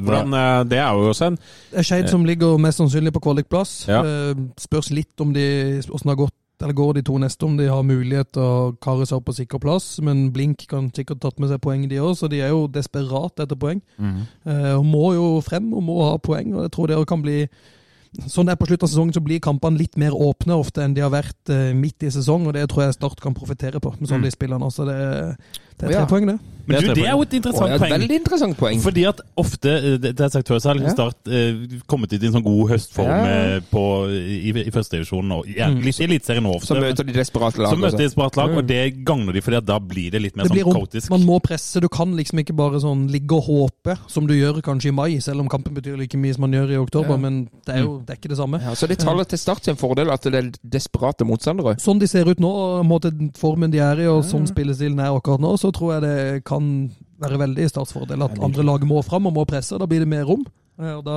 kan Jules gå på løp. Og hvis det kommer en sånn skikkelig regnskur, så har de ikke sånn kork på banen nå. Så da blir det enda Og, og, og, det er jo, det er jo, dette er jo litt interessant. Hvis vi bare tar en litt sånn, eh, snakker litt om det laget vi aldri skal snakke om, men når de taper, så er det mulig å nevne det i Jerv. I går så henta de opp 2-2 mot Molde, men de skal jo gå for 3-2 òg. Og da mister de det selvfølgelig, for da har Molde Fofana. Så, så det er jo liksom typisk det du snakker om, at de bare kaster det framover, og da glipper det bak. Selv om det er bare to minutter igjen. Var ikke det et vakkert øyeblikk? Jo, det var nydelig. Hadde det vært femte serierunde, så hadde de tatt med seg 2-2 og vært kjempefornøyd. Ja, og så ja, må du. Og så skårer du. Da er det kvaliteten igjen som skiller da, når du må ofre. Ja, Men så kan vi komme i en situasjon hvor Skeid faktisk kan klare seg fint med et poeng hjemme mot Start òg, da. Så det er ikke sikkert at Ja, ja, det får vi se da. Også... Men, men jeg syns det var en veldig interessant eh, Ja, for det, men det, analyse der. ja, ja. At det taler Start. eh, Ja, Ja, Så det er tre poeng der òg? Ja. ja. Ja. Så bra. Okay. Og så er det hjemme mot Åsane. Eh, Kristoffer Walsvik skal hevne sitt eh, limer de vinkelen han fra 20. Ja, og Åsane skal hevne 5-1 i serieåpninga. Ja, ja, og det, eh, har egentlig skrevet klink startseier, men jeg har vært såpass positiv før nå at jeg tror jeg hvis det har gått så bra som vi tror og håper fram til det, så kan det bli en sånn ordentlig stygg kamp. Bananskall, ja. Ja, nettopp et, et bananskall. Ja, Siste hjemmekamp eh, også er det. nest. Eh, Det er hjemme mot Ranheim òg. ja, hjemme hos til slutt, stemmer det. Eh, og da Men det kan jo hende at vi er der, da. Oi, Nå, Der, det- feil, er vi i hvert fall. Det kan jo hende at vi er på det der. Altså, Tenker du at Åsane Hvis, hvis da Start har Uh, er, på, uh, er inne i en sånn eh, sig, hva, hvorfor, hvorfor skal Åsane være bananskall? Du er, for, du, er, sånn, du har blitt litt fornøyd, det har gått litt bra. Det er det Ja, fort sånn, du kan havne litt nedpå, selv om alle sier at det skal man ikke gjøre. Og man prøver hardt, det er jo aldri noe bevisst. Um, har slått Shade, og så på en måte Så kommer du inn i den kampen. Åsane har mest sannsynlig ingenting å spille for. Kan Mm. dra ned med lave skuldre og bare slippe seg fri. Og Start Ah. kanskje Ok, vi tror hvis det har gått sånn, så er kvalikplassen kanskje sikra. Mm. uh, men det er litt sånn usikkert hvor du skal havne der. Og så kanskje Åsane Start går ut og presser, og så spiller de et par ganger som de kan gjøre, og så Og så, og så setter Valsvik et par eh, Ja. Jeg, jeg, kjø, jeg kjøper den der. eh, Ja, ja, ja, altså. Potensielt det. bananskall. Og så er Åsane Sindre gammel historikk. Det her liksom Nettopp, ja. Er det Sier du eh, tre, ett eller null? Oi, oi. Han må Ikke jo, si at de tar, ikke taper en kamp resten av sesongen. Nei, Det nei, det, det er det jeg som skal gjøre. Ja. Sånn at det er jeg skal løpe over Varbro. Ja. nei, det tror jeg du slipper uansett, Venstad. Ja. Så, så har vi borte mot Sogndal etter det, vel? ja. Ja. Sogndal har noe å revansjere. Ja, men Um, det, det er jo et, det er jo et Men kokoslag. kan ikke de være i samme, de kan være i samme situasjon som Åsane til den kampen? Ja, Der, men de. De kan nå ligge der at de kan med seg og Ja, få med seg. Men de har bytta en del spillere i sommer. Nå har de skader på litt spillere. Keeperen er ute resten av sesongen. Um, Så det er litt sånn veldig skille ned til nummer to. Mm. Um, litt sånn dalende form egentlig vært, for de var veldig gode en periode her midt i sesongen. Mm. Um, men enda med den der stoltheten du ble smadra sist på Sør Arena. Så det er liksom Og de syns altså Sogndal på sitt beste har vist noe av det som jeg syns er best i Obos-ligaen i år. ja, eh, I enkeltkamper. Um, så der eh, tror jeg Start skal være fornøyd hvis de får med seg et poeng. Ja. Men de har også eh, foreløpig da, så har de ni seire og ni tap, og har 43 skåra mål og 48 innsluppa mål. Det er jo Det blir målfest. Ja, det blir gøy. Litt sånn Sandnes Ulf. Det blir, det blir 3-3, det. Ja, det kan gå alle veier, men Ja. det er åpent og fint. Ja. Men eh, det, det, vi snakker om over en måned til, så det er sånn Ja, vanskelig Ja, ja, ja, men han han ikke ødelegg her, da. ja. Men det her er jo sånn supporters drøm, treners marerittkamper som bare svinger og alle Ja. mulige, og det er kjempegøy å se på, på, så er det helt grusomt. Det er jo ikke gøy å se på når det svinger sånn. Det må jeg Nei, men det, er liksom, det klappes på vei fram, og det bues på vei tilbake. Ja, ja, og pulsen til oss trenere bare går opp og ned. og ja. Så da er det tre poeng der. Han sa vel det kan gå alle veier. Ja, ja. Da ja. tar vi ett. Det Og så Ranheim hjemme siste, da. Ja, det blir jo, det blir jo hva som helst, da. For at hvis det har Seier. gått sånn Det blir seier? det blir seier? Okay. Ok. Hvorfor?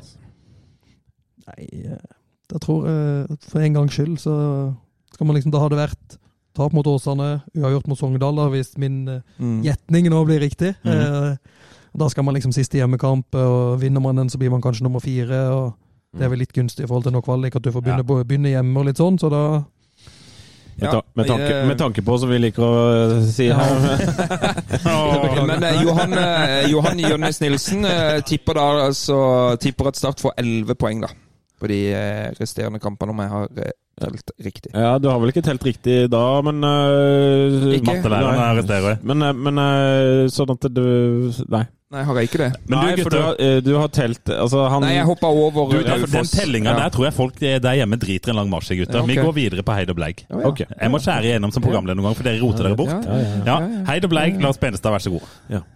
Eh, Nå ble han tatt. Streng du er, altså, Ja, Gimse. ja da. Altså øh, øh, Jeg har egentlig en heid. Ja. Øh, og det er Magni Fannberg. Ja.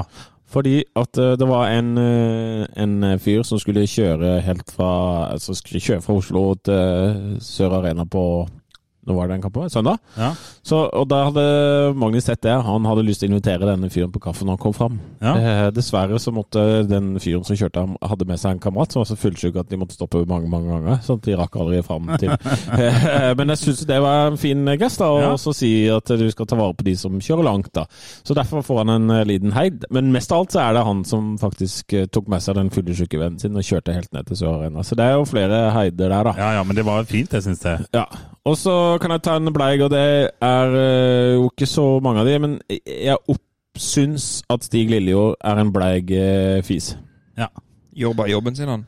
Ja, men Ja, ja. eh, jeg, jeg driter i den jobben der. Altså, altså jeg, det er for eh, Han er vrien å like. Ja, altså, jeg kjenner han ikke. Jeg skal ikke si det, men jeg, jeg kjenner bare at jeg tror... øh, Jeg er usikker på om det gagner Schulze så mye, det der øh, Stig Lillejord-opplegget. Jeg vet ikke. Og så syns jeg at øh, han har gjort mye annet gørr øh, for Start. Men tror du, eh, tror du Stig Lillejord har så veldig Jeg tror det er han som setter stopper for Schulze? Ja, altså, dette her aner ikke. Jeg, jeg syns det er så mange spørsmål, og så få svar når det gjelder det her greiene her. Men det er liksom det er en bleik på en magefølelse, og den kan jeg følge. Altså, Ja, ja, ja, ja. for du er på Skjulse-gate, som nå også har blitt Pete-gate, på en måte. Det er, det er mye Og Lillejordgate og i det hele tatt. Det er mye spørsmål og lite svar. Ja, veldig få svar, og, og veldig sånn kryptiske ting, og så må man tolke så mye. Og Ingen så er, kommentarer. Jo da, det er fint her, jeg trives her, det er hyggelig her. Ja, Men dette, ja, ja. dette skal vi snakke mer om seinere. Men eh, det, det ble Stig Lillejord, også fordi at han ikke gidder å stille opp i poden her, da. Nei, for det må det jo sies at han har blitt invitert. Ja da, flere ganger. Ja. Nei, men da kan jeg ta Heid, da. Ja da. Jeg vil, jeg vil i den eh, grøfta jeg holdt det på å si, men jeg har? Schulze, eh, men jeg har Schulze som Heid. Ah, okay. uh, og han kan få Heiden alene for at han på volley plasserer ballen i vinkelen. For det er jo deilig å se på. Var det volley? Var det volley? Var det ikke innside bare i lufta? ja, men det er en volley. Okay. En volley er når du Ikke tar volley i min bok. Ikke volley i Ja, men du er en sånn uh, kjip purist. Men fin scoring. Ja, Nydelig scoring. Og så har han jo fått uh, favorittrollen sin, han leverer i rollen sin. Uh, det, er, det er jo åpenbart for meg at han har lyst til å være i Start, men at de må finne ut av et eller annet der, og kanskje bli spekulert i kontraktslengde. Eh, det tror jeg kanskje de skal klare å finne ut av på en eller annen måte. Det håper jeg i hvert fall de gjør. Men han får heid fra meg, jeg håper at det kan være med å hjelpe at han blir. Det gjør det sikkert ikke, men vær så snill da, Eirik! Eh, Bleig. Eh, Da skal vi til kampen i går. Eh, der var jo ikke jeg, men det var det flere jeg kjente som var. Eh, og da så jeg flere Twitter-meldinger om at det var jo nydelig stemning. eh, Det var masse folk, det var masse unger på Sør Arena i går. Eh, og opptil flere fedre eh, hadde da prøvd å lose sine unge håpefulle bort til Lonstia under kampen, fordi de syntes det så spennende og gøy ut. Da ble de resolutt stoppa av en vekter. Han må ta seg sammen. Men har vi ikke Det der har vi tatt opp før. Ja, og, og jeg så Boje Altså Ikke eh, kritikk til deg, men kritikk til vaktene. Ja, og, og, og Boje eh, Buckham sier jo at eh, dette dette har de tatt opp før. Dette må være en vekter som ikke er oppdatert. Men da må Start sørge for at alle vekterne vet at hvis La de små barna komme til meg for å snakke et språk man forstår på Sørlandet. Yes. Eh, alle barna skal komme til Lonsia hele tida. Lonsia junior, eller Eh, Lonsia junior og de yngre. Minilon. eh, Halleluja. Få, få de bort, og ikke stopp de. Ja. Aldri stopp de. Helt enig. Helt enig. Det er, det er jo også en av mine mange bleig. Ja, men da kan du jo ta og oppsummere de bleige først, da. Uh, Og det er mye tynne bleig på, Ja. på undertegnede i dag. Uh, men det er faktisk en del. Eh, de har begynt å omtale eh, billetter som bestilte billetter. Ja, men det kan jeg jo forklare. det Fordi at det, var det var fordi det var gratis billetter. Ja, men det vet jo alle. Det er helt åpenbart hvorfor. Men da må du bare være åpen om det, da. Ja, men de var åpne om hvor mange ganger de hadde gitt bort. Ja. Men eh, Mange var var bort, da? Tusen. Å ja. Eh, Så det var fem Altså, men Og så hadde visst Los noen gratisbilletter, men det vet jeg ikke hvor mange var. Mm. Hvor mange var det Opplevde du Følte du det var det var ikke 6000 der, det var det ikke. Det var det ikke. Men det var, det var greit Du med folk. Ja, jeg telte ikke. Jeg ikke det. Men det er mer bleik her, gutter. Okay, okay, okay. Det jævla draktnummeret til Joakim Holtan. Ja, det er litt tvilsomt. Fy. Nå har vi vært gjennom Salvesen, og han eh, måtte gå ut og forklare. Og den er for så vidt sånn OK, men holdt, altså, nummer åtte er ledig i start. Så hvis det er fordi han vil ha 80, så er jo det veldig spesielt. Men jeg tror altså, kanskje, gru- altså Dette vet jeg ikke. Men nummer åtte er jo allerede blitt brukt i år. Nei, men jeg, jeg, jeg har Har du forklaringa, for at Rune Hægeland svarte nemlig på Twitter. Å, Eh, Altså, han har brukt han, sa, han, nei, men han sa det at eh, når det ble klart hvilket nummer Holtan skulle ha, Ja. så var det eh, før Valsvik gikk. Ergo så tok han da 88. Og for de som ikke forstår dette, mm. så har jo nummeret 88 litt sånn nazi-konnotasjoner, fordi at nazistene bruker 88 som en sånn eh, litt skjult måte å si Heil Hitler på. Fordi at H er den åttende bokstaven i alfabetet. Så 88 gir litt sånn dårlige vibber. Historietime der, altså. Det er mer eh, bleikt her. Det ble jo Eh, veldig dårlige vibber nå, da. Eh, Stakkars Holtan. Han skåret mål som i tidligere. Jeg skulle til å si apropos, men jeg noterte meg at, sånn, eh, at motstanderlagene på, på Sør Arena de får utlevert sånn Bli vakker-pose. Apropos. Oi, oi, oi, Tom. Eh, det, jeg, det har visst foregått i hele år. Jeg lurer på hva som er oppi der. Ja. Analkuler? Nei. Eh, og så har jeg også Ja, det er flere som har blitt revkjørt, så det kan godt tenkes. Nei, nå må Hva Eh, skjer her, da? sist, men ikke minst ja. Hvor gikk gjesten? Sist, men ikke minst, eh, så er det jo eh, en enorm kioskkø. Nå fikk jeg oppleve den på huden. Ja. Altså, Kioskkøen i pausen er på ut, starter på Nå tror du Nå tror du det! Ja, for jeg måtte jo bare oppleve det sjøl. Ja, ja, okay. Ja, ja. Han tror ikke på det. nei. Nei, det må oppleves selv. For, men eh, det, jeg skal jo på en måte balansere det med å gi ukens heid til endelig kronesis. Ja, du fikk den kronesis i går, Tom. Ja, det, det. Det, er fint. altså, det, er- det er, følg opp, da. Det er utrolig slapt at ikke de kan invitere flere idrettslag til å stå i kiosken også. Altså, det, det er slapt. Men jeg vet ikke om det var noe med bygginga av stadion der, at kanskje alltid har vært kø i denne inngang syv, hvor jeg sier da, for dette, den skal håndtere liksom, jeg tror nesten to etasjer og en hel langside. Da må de sette opp noen sånn portable kiosker eller et eller annet for å få det unna. Husker du ikke før på gamle Kristiansand stadion som gikk rundt med den der eh, Ja, Jo, de som gikk og solgte is på stadion, helt nydelig det. Elsker Vet om flere som har gjort det. Nei, men det var Heid og Bleig, det. Ja, det var, det var ikke noe Har du noen. Heid og Bleig, Johan? Jeg kan ta en uh, heid for å gjøre litt opp for din, Ja. og det Ja. vil jeg si Joakim Holtan. Ja. Fordi han uh, sånne uttrykk uh, han gir, og inntrykk jeg har fått fra litt andre folk eh, som har snakka med, at han har så lyst til å spille for Start. Mm. Eh, og spillere som har så lyst til å spille for en klubb og få det til, det vil jeg hylle. Han Ja. går ut og på en måte sier at dit vil jeg, og det jeg tipper han ikke får like godt betalt heller nå som han har hatt i Haugesund. og på en måte Jeg vil ut, jeg vil spille, og det er klubben jeg har lyst til å spille for. Så det, Ja. Det bør applauderes. Ja, Men det- tror du han er der i start neste år? Men eh, Fasit to-tre kunder. Ja, men hvis han skårer ja, masse mål, altså hvis han gjør en skikkelig god høstsesong, hva sier Haugesund da? Da sier jo de Altså, de slipper han jo ikke gratis. eh, Nei, det er jo en han må jo kjøpes, og de har kjøpt Ja. han av Bryne for en sum, men han har jo stort sett skåret mål der han har vært. Mm. Um, ikke Haugesund, men heller ikke fått så mye tillit. Mm. Um, så jeg tror han som type har lyst til det, og det hvis, hvis spillere har nok lyst til ting, så blir det ofte sånn. Hvem er best, Joakim Holtan eller Martin Ramsland? For Start i 2023, Joakim Holtan. Ja, det er riktig svar. Deilig. Wow. Men, der, der, men, der, men nå eh, men var det så hyggelig her, så da kan vi jo gå over til uh, enda hyggeligere ting. Nei, vet jeg søren. Men vi kan eh, snakke litt mer om uh, Jonas Nilsen. Det kan vi gjøre. Vi skal også ha en startbørs, men vi kan kanskje Kan vi ikke bare avslutte med den? da? Jeg synes det er fint å avslutte med. Eh, for vi har, du var jo litt inne på bakgrunnen hans eh, tidligere, Tom. Eh, men du vi, vi må grave ned i den Groruddassen. ja, vi må dessverre det, altså. Ja. Eh, det og da fint. kan vi jo begynne med å være eh, ta, ta, det ved rota. Ja. Eh, for vi hadde jo han med på, eh, på denne tabelltipsgreia vår. Og nå, nå, nå, ble han litt lang i maska her, men eh, sånn er det. Eh, når du er så dum å stille opp her. viktig å gå hardt ut. Ja, viktig å gå hardt ut. og da følte jeg jo, gutter, at eh, tabelltipset vårt nærmest ble litt ledd av. Gjorde ikke dere det? 1-1 og 2-2 på 1-1 på ja, Sør Arena. Vi hadde egentlig vært bedre enn starter, så kommer dere og tipper oss klink sist. Så noe dere så som ikke vi opplevde der. Ja. Eh, det er det. Sånn er det med analyse. Ja, ja. Men, men, vi var jo ikke alene, da. Nei, men, men eh, det var jo en veldig, veldig god eh, høstsesong i fjor. Så mister dere riktignok eh, Oskar Aga. Jeg mista fire mann etter eh, sesongen. Ja. Fra startelveren eh, du hadde jo et håp om at dere hadde gjort noe som kunne gjøre laget bedre osv. Hva var det som ikke funka i år, Johan?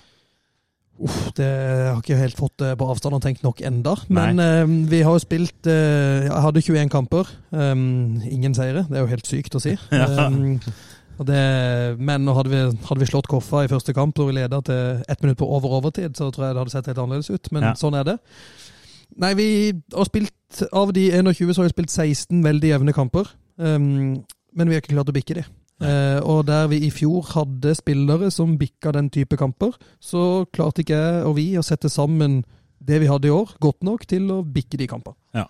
Så det, det er jo egentlig altså alle, altså Selv Start, hvis de hadde hatt Oskar Aga, hadde jo merka det noe voldsomt. Så det blir jo på en måte det som mangler. Ja, vi også som siste halvannet år i Grorud så har vi solgt seks eller syv spillere til Eliteserien eller Allsvenskan. Eh, Mm. og det er både spisser, vi har solgt tre sentrale midtbanespillere, du har solgt midtstopper, vi har solgt høyrebekk. Så liksom, det er fra overalt. Og det, på et eller annet tidspunkt så kommer det en gang hvor du ikke har erstatteren klar. Mm. Um, og Christo Safari, som var fantastisk i fjor, eh, han henta vi på en måte før sesongen før. og Han var der et helt år, og så skulle han begynne å spille. For da hadde vi solgt Elias Hagen til, uh, til Bodø-Glimt. Mm. Eh, men i år så ja, Vi for så vidt egentlig fornøyd med de vi henta. Henta de samme spillerne på nytt. Men eh, også var det litt Vi skulle egentlig spille 5-3-2 i år. Um, så vi hadde fem stopper inn i sesongen, og så tidlig fikk vi trøbbel med et par av de, så vi måtte gå over til å spille med fire bak. Eh, og det hadde vi vært fem bak hele år, tror jeg ting hadde sett litt annerledes ut. Vi så mer solide ut da. Um, og så havner du inn i en gate etter hvert. Når ikke du vinner fotballkamper, så er det på en måte du leder og leder, og så blir du uavgjort. Og så er du uavgjort lenge, og så blir det tap. Og så hadde vi en kamp mot Skeid hvor vi lå under 2-0 til pause og snudde til 2-2. Eh, og så slipper vi inn seks minutter på overtid. Altså, det er noen sånn interne oppgjør som bare blir sånn helt drepen på et par ting. Nå, nå Start henter jo en del spillere fra Eller en del. Nå har begynt å hente fra nivå tre i Sverige. Hvor er det Mm. Grorud på en måte har henta sine? Nei, vi har på en måte egentlig hatt en policy på at vi kun henter norsk. Um, og vi henter uh, stort sett Vi må hente unge spillere, vi betaler ganske lite. Um, og vi må hente spillere som ikke har slått til. Eh, men vi må måtte selge at de kan komme til oss, og de kan spille litt sånn før de får spille andre steder, og de kan bli solgt videre. Um, så det er som på en måte Bjørn Martin Christensen, som vi solgte til Ålesund, han var jeg sammen med agenten hans og scoutene. Han spilte juniorfotball for Nordstrand. Han var ikke god nok for A-laget til Nordstrand. Han spilte junior interkrets i Oslo, og vi henta han til oss. Um, Christo Safaris han henta vi på en måte fra gutta 16-laget til Vålerenga, rett A-laget vårt. Um, så det er liksom vi Ja, det, det er der, liksom. Ja, altså, Før sesongen henta vi en ung gutt fra Sandefjord som er 19, som ikke Sandefjord hadde tro på lenger til å være med i Eliteserien med de, så det måtte du Og så må du i andredivisjon, men andredivisjonsklubber betaler også mer enn oss en del av de, så det du, du må virkelig finne gull, og så må du slå til med en gang. Bare sånn, eh, En type som Vegard Bergan, for eksempel. Det hadde vært Mm. helt umulig for Grorud å hente han. Eh, han tjener nok ganske mye mer enn vår makslønn, ja. Ja, nettopp. Mm. Ja, for han gikk jo til Arendal, og der vet vi at der eh, Jeg tror ikke han trengte å gå som ned så fryktelig mye lønn for å gå til Arendal. Så de betaler nok bedre i Arendal enn i Grorud. Ja, Risholt har mer å rutte med, ja. Men, men eh, du er jo inne på det. Dere vant ingen kamper eh, i år. og Dette har jo Start gjort før, vet vi, i Eliteserien. Det har de. Hvordan i alle dager er det eh, å jobbe som trener når du aldri vinner kamper, når du tar på kamper seks minutter på overtid, og det skjer igjen og igjen og igjen? og igjen. Hvordan er det å stå i de greiene der? Det er jo fryktelig tungt. Det må man jo si. Og det, så gjelder det å ikke la seg på en måte Man må bli litt flat. Eh, Du kan ikke ta den dypeste dalen. Kan ikke bli Eh, helt Lars Benestad. Nei, jeg holdt på å si det, jeg tenkte jeg skulle skåne han. Nei. Jeg er Um, du, har jo, du har jo kanskje et tidspunkt hvor du er alene, hvor du må ned dit, men Ja. samtidig som du må på en måte hva Du må se på prestasjon. Hva funka, hva funka ikke? Hva må vi prøve å gjøre annerledes? Hva må vi bli bedre på?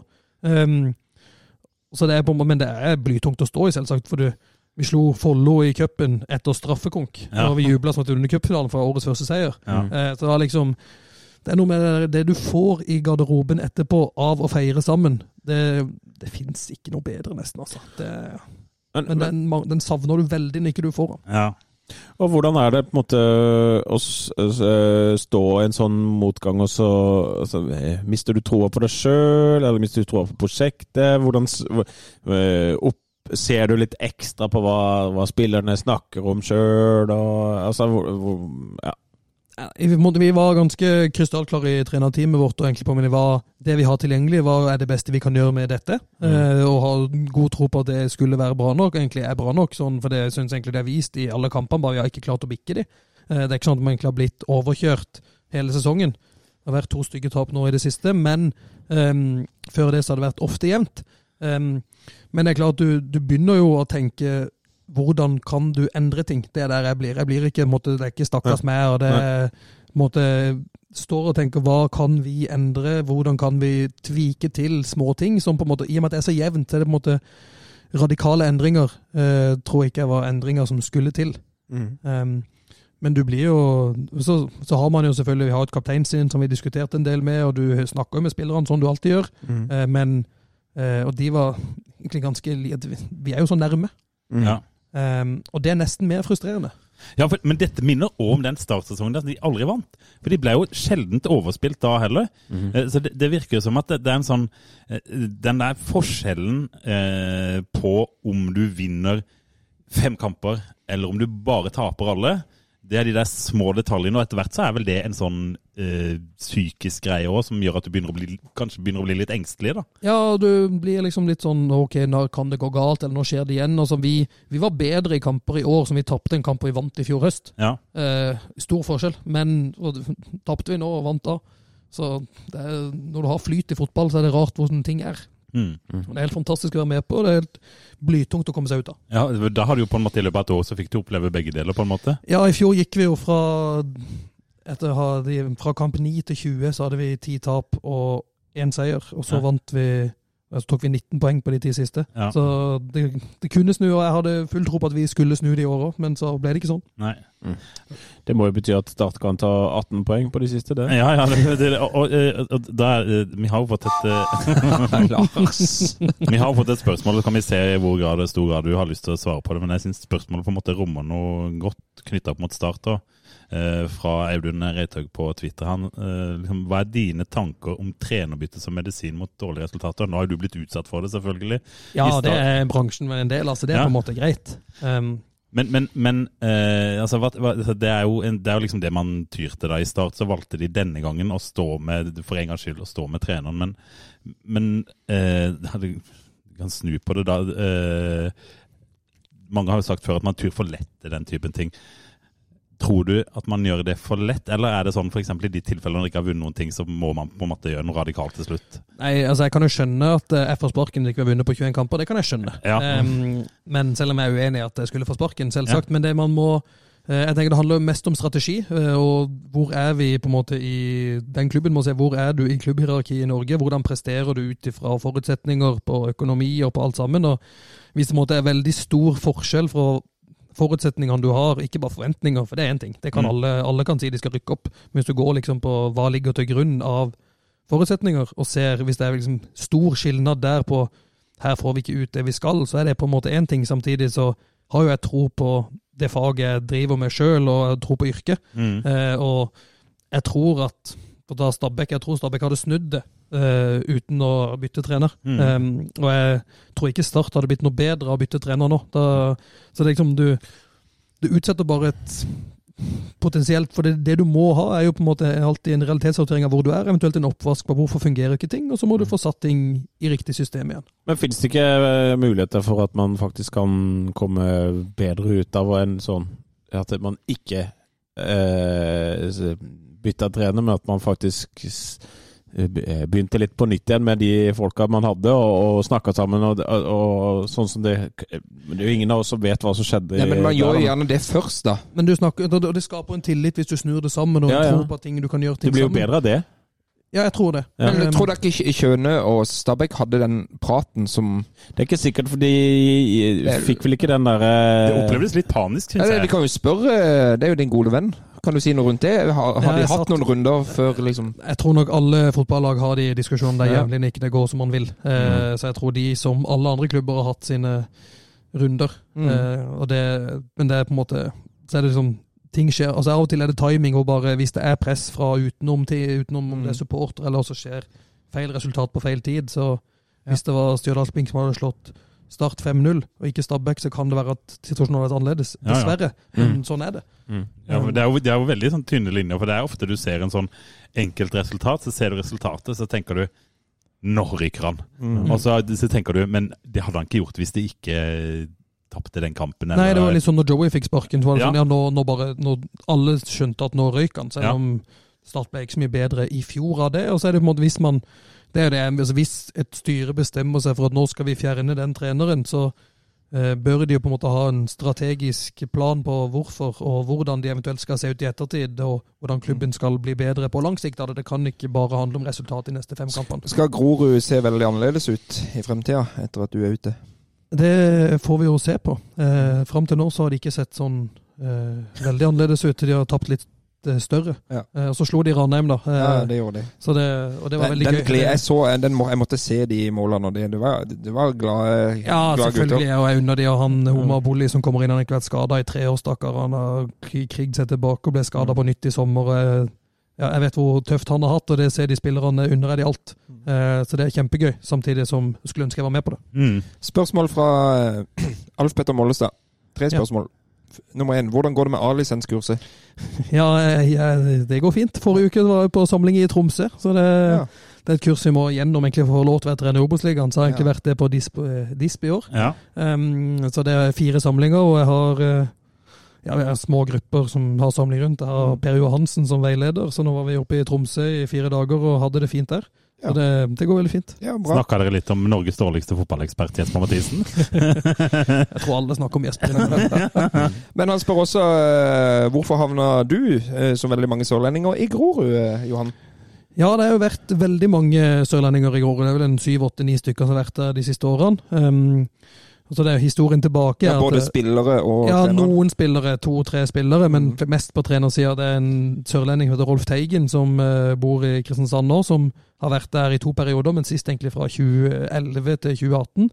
Um, som henta Eirik Kjøne dit, um, som han ble kjent med, og sa Eirik kom her og bygge opp klubben. Uh, Eirik henta da uh, Niesa til Alf Petter eh, Vilde, Ja, som riktig. jobber i klubben fortsatt og trener juniorlaget der. Ja. Um, og så har det blitt litt sånn det, det er via idrettshøyskolen også. Så jeg havna i Grorud fordi jeg satt i, på biblioteket på idrettshøyskolen og snakka med noen som jeg ikke er i klasse med. Så satt Erik Kjøne på nabobordet og sa du er sørlending, ja, da får du komme til Grorud. Eh, og så havna jeg i Grorud. Um, så det Altså, man ansetter altså Ja. Folk du kjenner, de ansettes. Ja, og den eh, nåværende daglig lederen i Jerv er vel også Ja, nå var i Grorud. Ja, riktig, riktig. Men det, var, det har jo en av de bedre spillerne vel på Grorud. Ja, han også, Osestad. Osestad er det, han Martin Høiland før tidligere var Ja, solgt. Steinar Skeie mente jo at Grorud en tid var farmorklubben til Vindbjart. um, så det Men, men hvor god er Sindre egentlig? Eller hvor høyt kan han nå? Jeg tror Sindre kan nå veldig høyt. Og Ja. det, han har eh, ting i spillet sitt som er veldig veldig bra. Han har vært ganske god i år, som vi har slitt, og han var ganske god i fjor.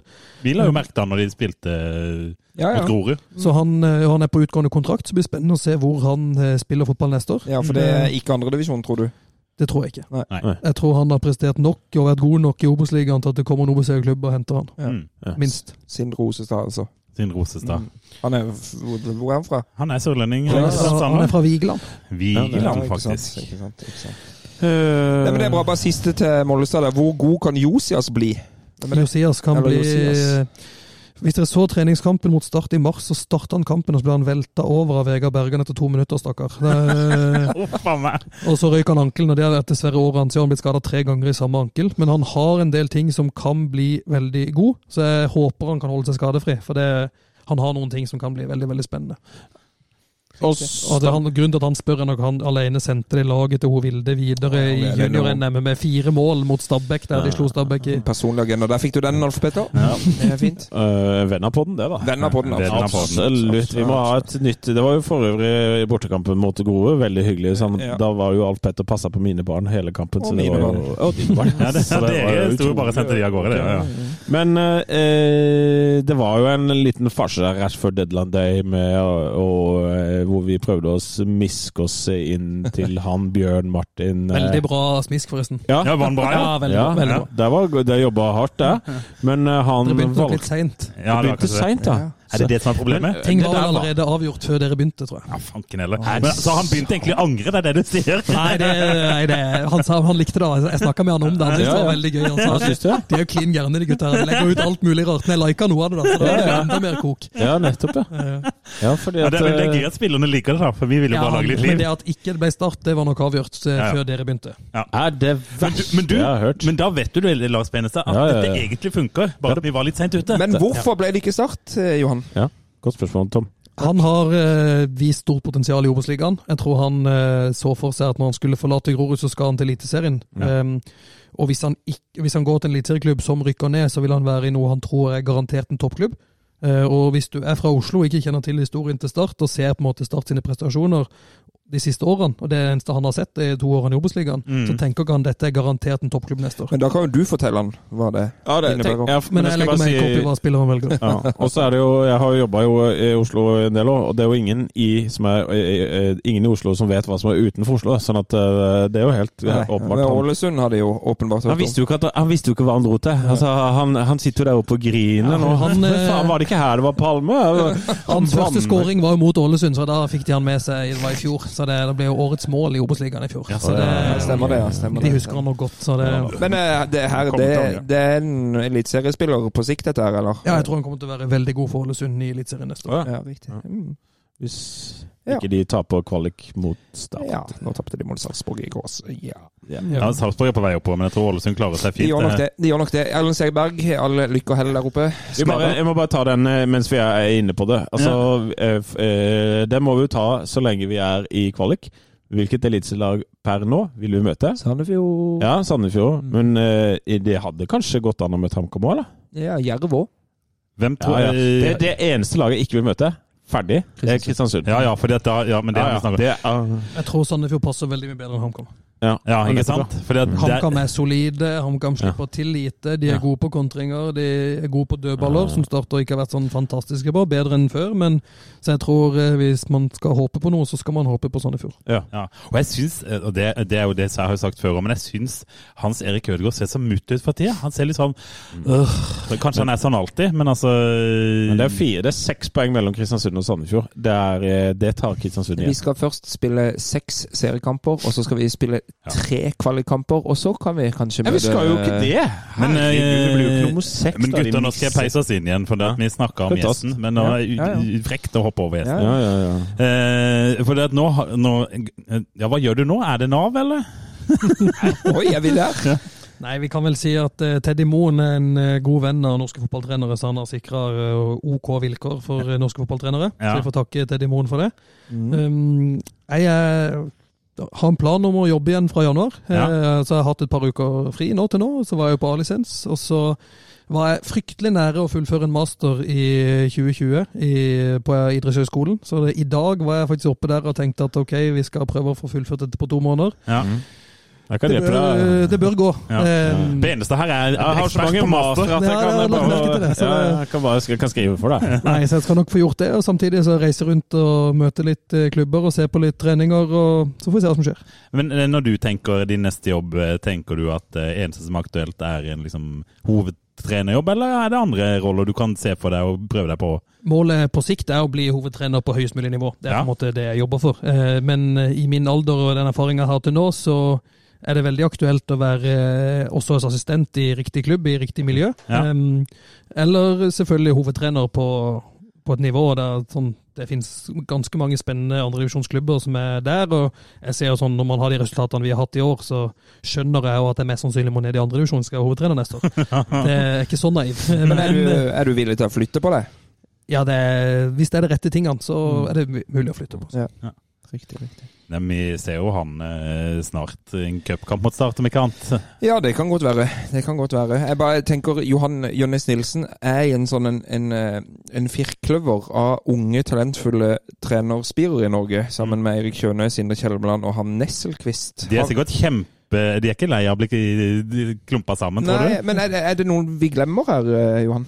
Er det, no, er, det no, er det flere av dere? Ja, det finnes ganske mange. Men hvis vi tenker uh, på de to øverste nivåene ikke To, så har du han Eirik Mæland som har vært i Kongsvinger, er ikke så mye eldre. Han er vel en 34-35, Ja. kanskje. Mm. Um, så er vel de. Uh, og så er det noen, to hovedtrenere i andre divisjon som også er ganske unge. Eh, utover det så er det Ja. Men så er det også en del Det finnes mange unge, flinke folk rundt omkring i kule roller. Så det er dere som er Også Shade er ikke så gammel. eh, Nei, Nei, han er jo ganske ung, ja. Så det er dere som er eksperter i TV 2 om 20 år, da? Sitter der og Ja, er- melder sammen med Gauseth og Ja da. Ja, Det er Gauseth. da er det jo kanskje en litt høyere utdanning på de som sitter og melder, da. Det er det. Ja, Han mastergrad i fotball. Og, ja, ja, jeg, jeg er fan av utdanning mer enn det der klovneriet. som er Hvis du hadde sittet i studio, så hadde det vært mye ekspertise, men kanskje ikke på fotball. Nei, altså jeg Ja. Det skal, jeg skal aldri der. Vi tar en, eh, vi tar en jingle, Ja, og så går vi videre i programmet.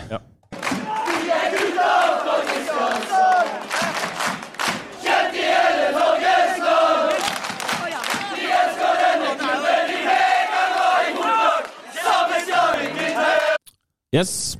Men eh, nå har jeg akkurat sett litt på eh, Mens du prata ikke det at jeg var uinteressert, men jeg bare registrerte jo at eh, det har jo vært noen resultater i dag. Og ja. vi har vært gjennom hele den resten av sesongen. Vi skal ikke synse så veldig mye mer om akkurat hvordan det går i kampene, men jeg er litt interessert i og, og hvilke spillere vi Ehm, eh, la oss gå gjennom et par scenarioer. La oss si at Start ikke klarer å rykke opp. Ja. Eh, så er det to spørsmål du får, og det første er først da. eh, hvem, eh, eller hvilke posisjoner bør, må Start forsterke med neste års sesong for å, komme, for å rykke opp? de må ha en spiss på permanent uh, basis. Ja. Um, Det kan være Holtan i Det- Obos? jeg tror det er Holtan. Ja. Uansett. Uansett, ja. Ok, Eh, Så hvis vi rykker opp, så er det også Holtan som Jeg tror er det. Ja.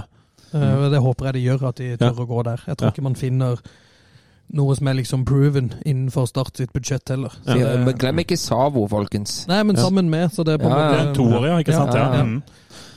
Så spiss. Ja. Um, jeg tror de må ha ny stopper, Med litt fart. med litt fart. Ja. Um, så vet jeg ikke kontraktslengde på Vito og litt sånn, men jeg tror eh, de må ha en ny stopper. Ok, Um, men det har de vel Da må jo noen ut? Ja, jeg tror de mister Luke Morris. Ja, du tror han er så god at nå Ja, han har vært såpass god at uh, jeg tror det kommer noen. Men år. er det eliteserienivå på han? ja, eller tilbake til Nederland. Uh, Ja, okay. det òg kan være aktuelt, tror jeg. Altså, men uh, han har vært ganske Ja, god. nei, det Og det er ikke så mange midtstoppere som har vært så gode i Obos-ligaen i år. Ja. Um, og i vinter, eller i vinter sier jeg, nå i høst, så alle lag i Norge spiller jo snart med tre bak. Ja. Så Ja. alle skal ha midtstoppere. Um, så sjansen for at noen har lyst på han, den tror jeg er ganske til stede. Men, men eh, er det litt sånn eh, Hvis Mares eh, forsvinner nå, er det litt sånn Jesper Darland eh, på nytt? At da forsvinner mye av, av sånn Start Bygger opp spillet sitt? Ja, han er jo viktig der. Ja. Og så har de jo De har jo Forbenius, selv om ikke han har spilt så mye i år. Så han er lovende. Han, har, han er det potensialet, hvis de får han til. Ja. Um, men om han er god nok til å rykke opp neste år, det etter året i år, det vet jeg ikke. Mm, Men, men la oss si at de For dette, i og med at vi ligger på kvalik nå, Ja. og Start taper jo alle en kvalik, så det er jo eh, etter mine matematiske beregninger 100 sannsynlighet Ja. for Eliteserien neste år. Ja, det er, ja. Eh, og da, eh, er det likevel bare midtstopper og spiss for å ikke rykke ned igjen i 2023? Da må de nok ha inn en sentral midtbanespiller sentralt Ja. til å bidra sammen med Emir. Litt, Um, litt pondus, på en måte. Ja, og Schulze. Ja. Det for han. Men også er det jo en sånn uløst greie på høyre vingbekk. Ja. Um, Så man må se litt på, uavhengig av divisjon. Ja. Schulzegate og Peatgate her, altså. Ja, ja, ja. For det at det Eh, en ja. Endong er god nok. Ja. Mm. Men altså, denne her eh, ved siden av Emir eh, Vi har jo henta Antonsson, men han har kanskje ikke det nivået inne? Hvis du skal holde deg i Eliteserien, så Men han har jo samtidig noe Han kan nå være stopper, at de dytter han Ja. ned, og, men han har ikke fart da, på Ja, samme måte han heller. Men det, det spørs litt. Hvis du er i Eliteserien, så er nesten kravet litt mindre. for Jeg tror jeg Start vil være litt mer lavere i banen oftere. Mm. Um, selv om de selvfølgelig har lyst til å spille der òg. Um, så det avhenger litt av. Ja.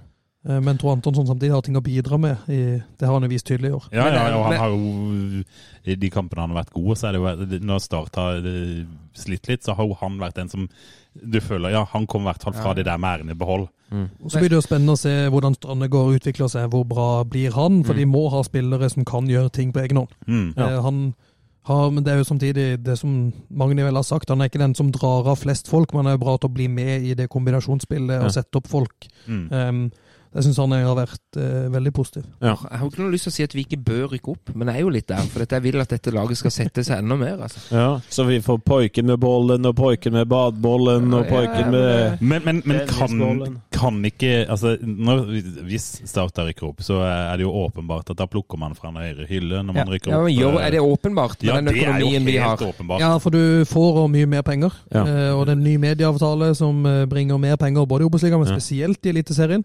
Um, okay. Og hvis du selger spillere, så er det penger. Ja. Um, Det er mer penger et- når du er eliteserielag. og det er også mer penger. Ja. Og så har du jo et investorlaug som skal spyt, kan spytte inn i halvparten av pengene, så du, du er jo eh, Du stiller jo med bedre kort på hånda hvis vi rykker opp, og så stiller du med desto dårligere hvis vi ikke rykker opp, for da går prisen på f.eks. Marius ned, da.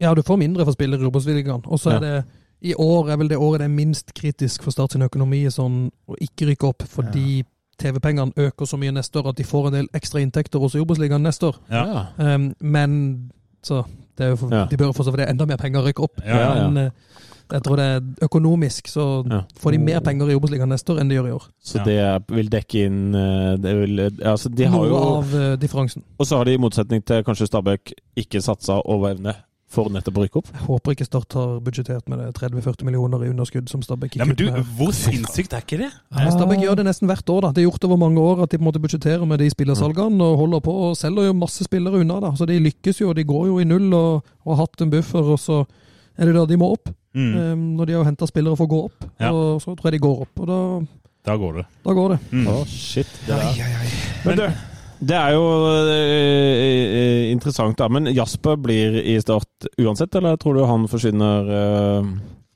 Jeg tenker en keeper i den alderen, hvis du først spiller fotball, så skal du være ganske sikker på at du spiller fotball før Mm. du bytter klubb. Ja. Um, så jeg tror uavhengig av om det er Obos-liga, eller om det er, Han har jo på en måte hatt et litt rotete år i år, selv om han har vært god, men med, med korona og sykdommen han fikk etter det. og så Han er han, ikke helt ferdig. Nei, han har jo fortsatt en del steg å ta. Ja. Um, og det tror jeg han kommer til å ta, men jeg tror han å være, at han er startkeeper i januar neste år, det tror jeg.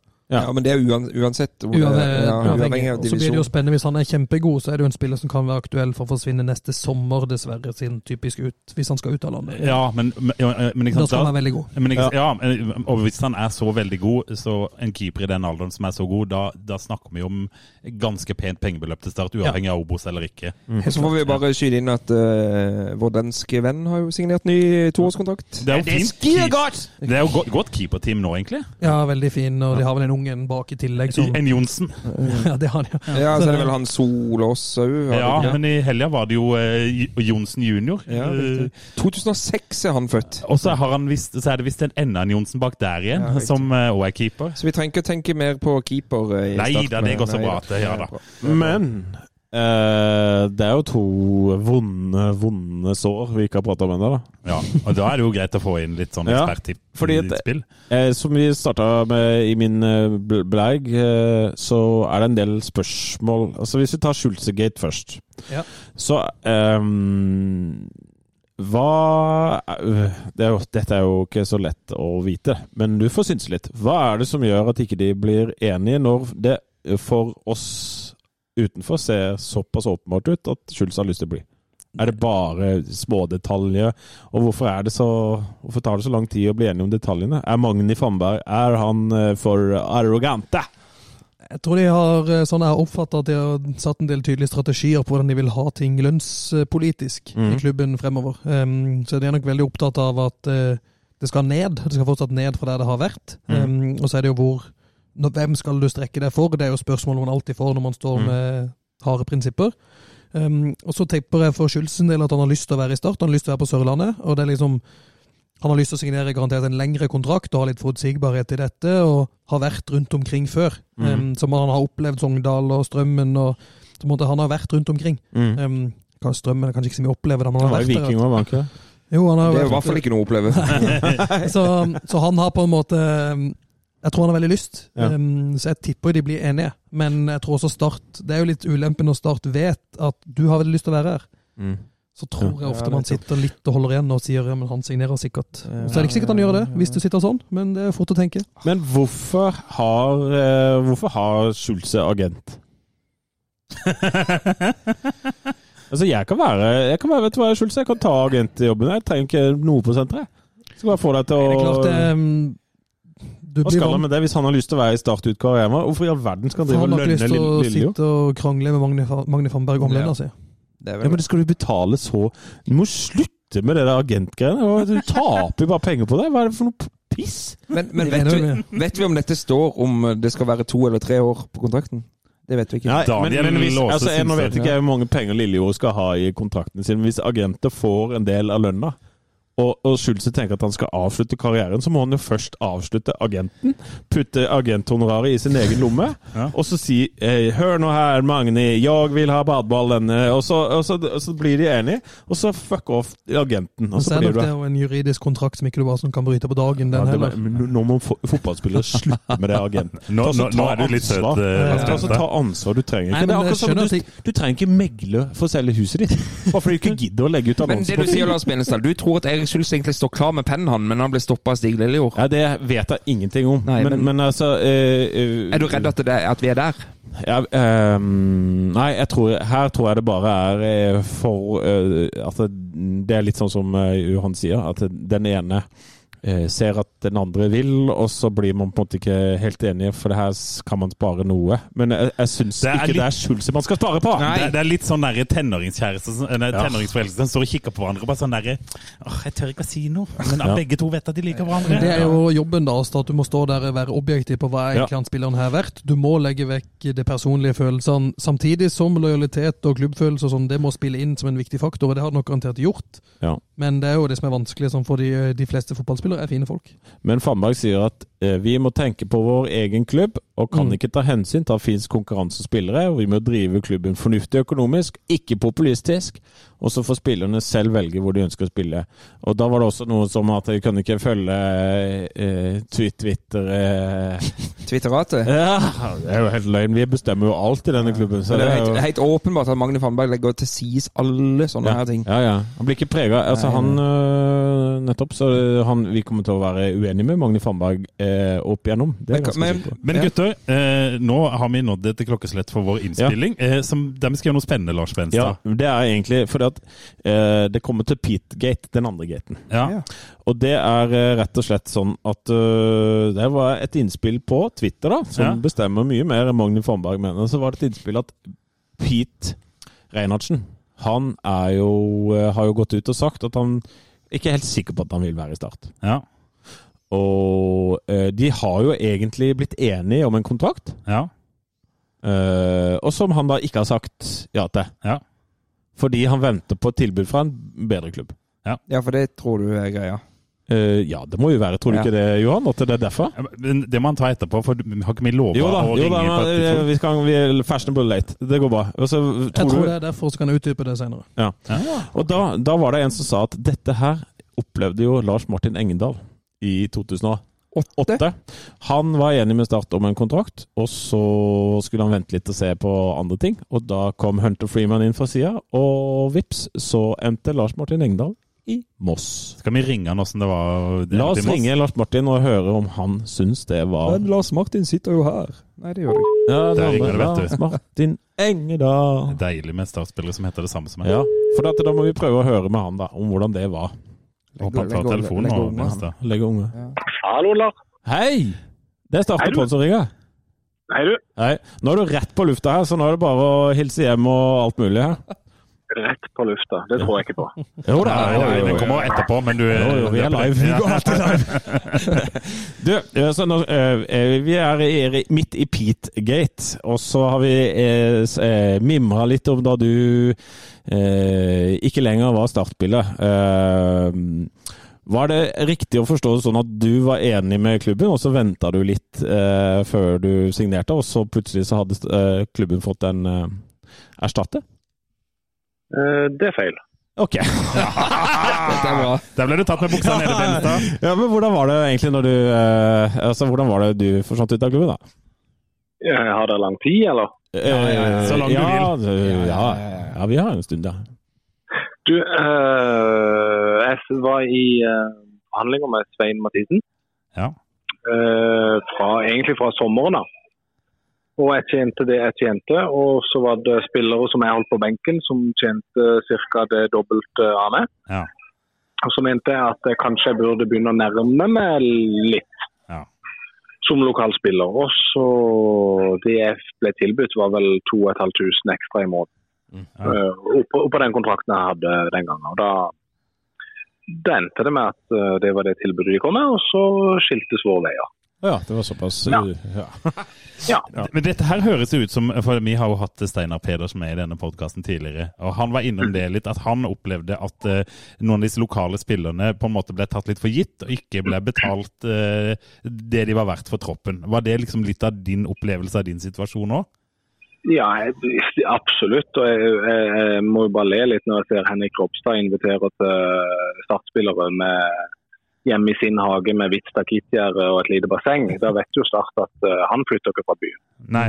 Og det, var, det var jo litt sånn vi opplevde det den gangen, og jeg tipper det er litt sånn det er i dag også, uh, dessverre. Ja. Uh, at man, man tar for gitt at det er de som er lokale, det eneste de ønsker det er å spille for Start, og da betaler vi deretter.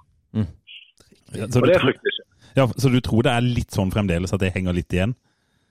Ja, men jeg tenker kanskje det er en kultur som er i flere klubber. Ja. At, uh, at man, man uh, tror og forventer at spillere som er henta utenfra skal være så mye bedre. Mm. Eh, men så er de jo kanskje ikke det. Nei, ikke sant? Så det kan kanskje være, selv om du på en måte henter en spiller fra holdt på å si, Ålesund eller eh, Hamar eller Sarpsborg eller hvor det måtte være, så er det på en måte enklere å gi de en høyere kontrakt, selv om det ikke er snakk om at de flytter på seg noe lenger enn en biltur på fire timer. Mm, ja, eh, det er nok det. Og så eh, skal jo agenten ha sitt honorar. Og så hvis man er eh, uten kontrakt, så blir det jo en sign-on-fee, og så må jo det legges på. Ja. Ja. Vi har akkurat diskutert, eh, eller jeg har diskutert med meg selv, det er riktig å si. Eh, Hva, hva gjør egentlig agenten? Eh, agenten eh, sørger først og fremst eh, for at det juridiske stemmer. Eh, det er jo pri 1. Eh, pri 2 er jo å sørge for at den spilleren han representerer, eh, blir lønna korrekt. Mm. Både med tanke på kall det gamle meritter, men også hvordan lønningene er i klubben per i dag, og hva spilleren kan få i andre klubber. Og Da er det jo naturlig oppfølgingsspørsmål. Siden Stig Liljo har vært og loka inn på Sør Arena eh, i, og hatt tilgang på alt, betyr det at han egentlig sitter og vet eh, hele den derre eh, lønnsopplegget på i, i Start? Altså, er det derfor at hans Jeg skjønner at, du ikke sitter på svaret her, da, men altså, er det derfor det, det er Schulz og Pete som nødvendigvis ikke blir enige? Nei, men hvis, hvis Stig Lillejord ikke vet hva de andre i Start tjener, så gjør jo ikke Stig Lillejord jobben sin. Okay, Det, det, er jo på det er på en måte hans sin Han må jo vite hva andre spillere tjener.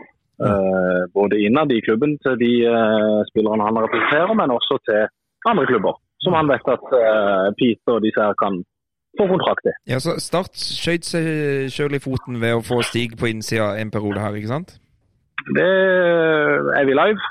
Ja, du trenger Dette, du trenger ikke si mer, Lars Martin. Det, vi skjønner hva du vil svare.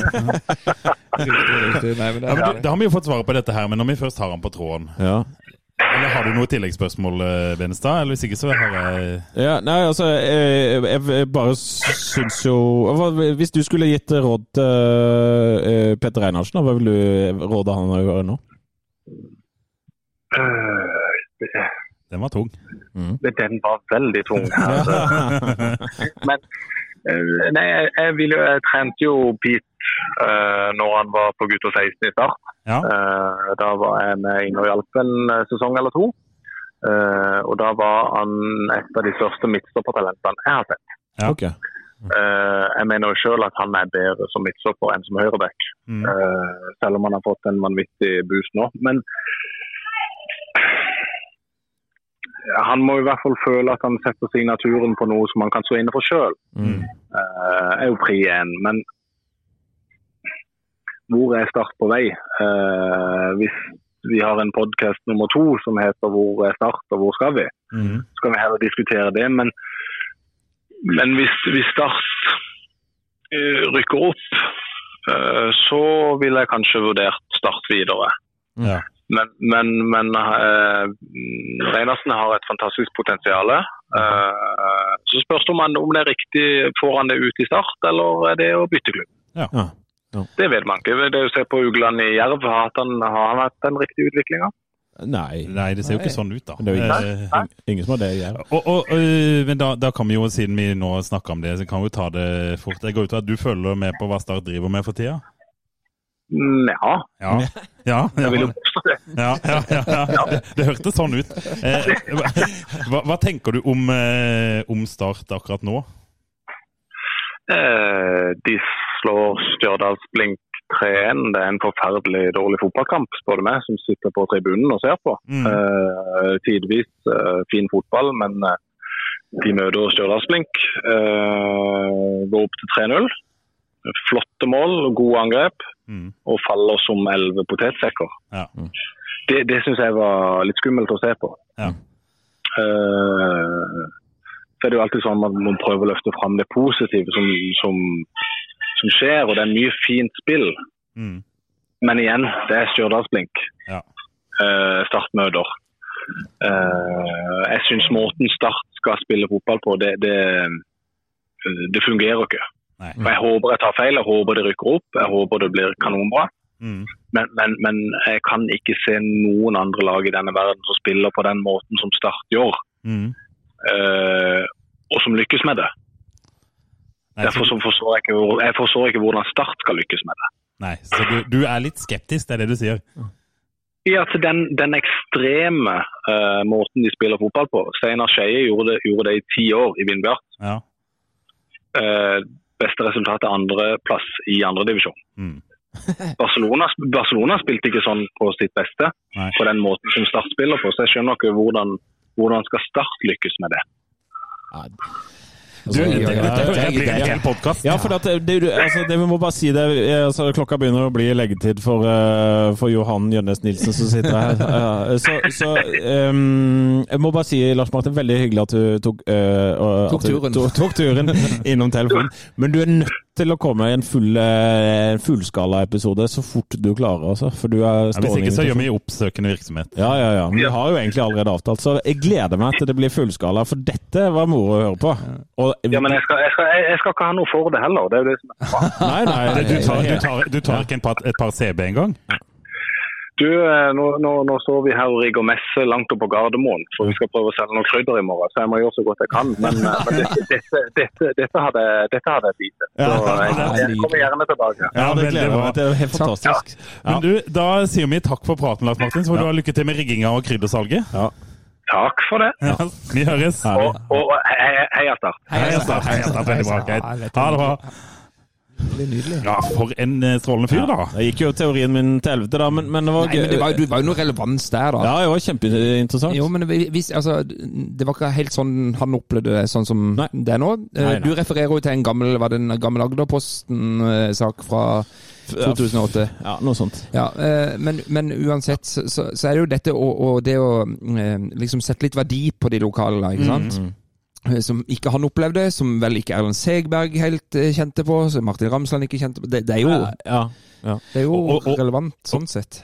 Ja, Men det gjelder ikke bare det er Overalt så er det snakk om Ja, for det var han også inne på. Dette Ja, er nok i flere klubber. Det Ja. er veldig fort at man tar for gitt de som er der, og man forventer som vi var litt inn, forventer at de skal signere, og tenker at skal man få andre hit, så må man lokke de litt ekstra. Mm. Um, så det er jo det hvem skal man strekke seg etter, Eh, og der tror jeg um, det mange er inne på at han kanskje er en type som er mer at ikke lar seg strekke for hva som helst, men tydeligere på prinsippene. Um, Uavhengig av hvor de er fra. Men- uavhengig men- av hvor de er fra. men Men, jo- eh, ja, for at, eh, altså, Lars Martin Engdahl forhandla jo med, med Svein Mathisen, som i, i, i så måte burde ha hatt den eh, Lokale i Ja, takene. nettopp. Ja, ja. kulturen. Så det er sikkert det er, er noen der heller. Ja. Men, men nå kan vi jo komme tilbake til Ja, altså må vi snart bli ferdige ferdig. Ja, ja. Men vi må, ha, vi må ha jo hans take på det som skjer med Pete, for han hadde noen tanker rundt det. Ja, det, er- altså, de sier jo at de er enige økonomisk. Ja. Eh, Det, det står jo i FVN, vel. Um, og det at, at de kan signere, er for så vidt fra min side også forståelig. Fordi han fotballkarriere er kort. Ja. Um, nå er han inne i sin beste periode fotballspiller noen gang. Um, for hver kamp som har gått det siste nå, så er det flere og flere som ser oi, han her er ganske god. Uh, for en spiller de kanskje har tenkt før at han er ikke aktuell for oss. Det kan være topp klubber det kan være eliteserieklubber. Um, hvis han signerer en langtidskontrakt med Start, som jeg tipper er det som ligger på bordet, i en konkurranse med Sjøkvist, som også har en langtidskontrakt, um, eller du har muligheten til å gå til en ny klubb uten overgangssum, som gjør at lønna di blir høyere eh, også, um, og du kan oppleve noe annet, så er det ikke sikkert han har lyst til det, men han tenker nok en ekstra gang på har jeg lyst til å oppleve noe annet enn Start. For hvis han Ja. signerer langtidskontrakt nå, så kan han fått bli en startspiller hele livet, og det er det ikke noe galt i. Mm. Absolutt ikke, men hvis du har lyst på noe annet, så kan det være at timinga hans er den riktige akkurat nå.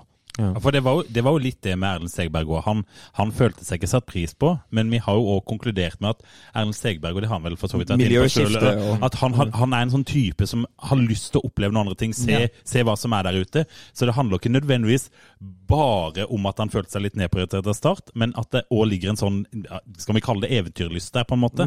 Hvis han føler nå han har egentlig mestra Obos-ligaen de siste ti kampene, så er det sånn ok, hvis en eliteserieklubb har lyst nå, har du lyst til å prøve, og det tror jeg ligger alle fotballspillere har lyst til å prøve det neste nivået. Helt Men- naturlig. Men hvilken eliteklubb signerer Peter Reinhardsen? Ja. Det kan være eh, HamKam, Sandefjord, den type, hvis de overlever. Den type. Sarpsborg. Ja. Sørgelige steder, da. Ja, du spiller litt serien. Da får vi Eirik Vikne tilbake igjen. Ja, ja, ja, Så- ja. Han spiller jo nesten fast Men der, jeg, da. altså, det er et, og så er det en faktor til som bare spiller inn før vi er ferdige. Det er at uh, Peter fikk vel beskjed om at han ikke ble satsa på eh, i januar i fjor.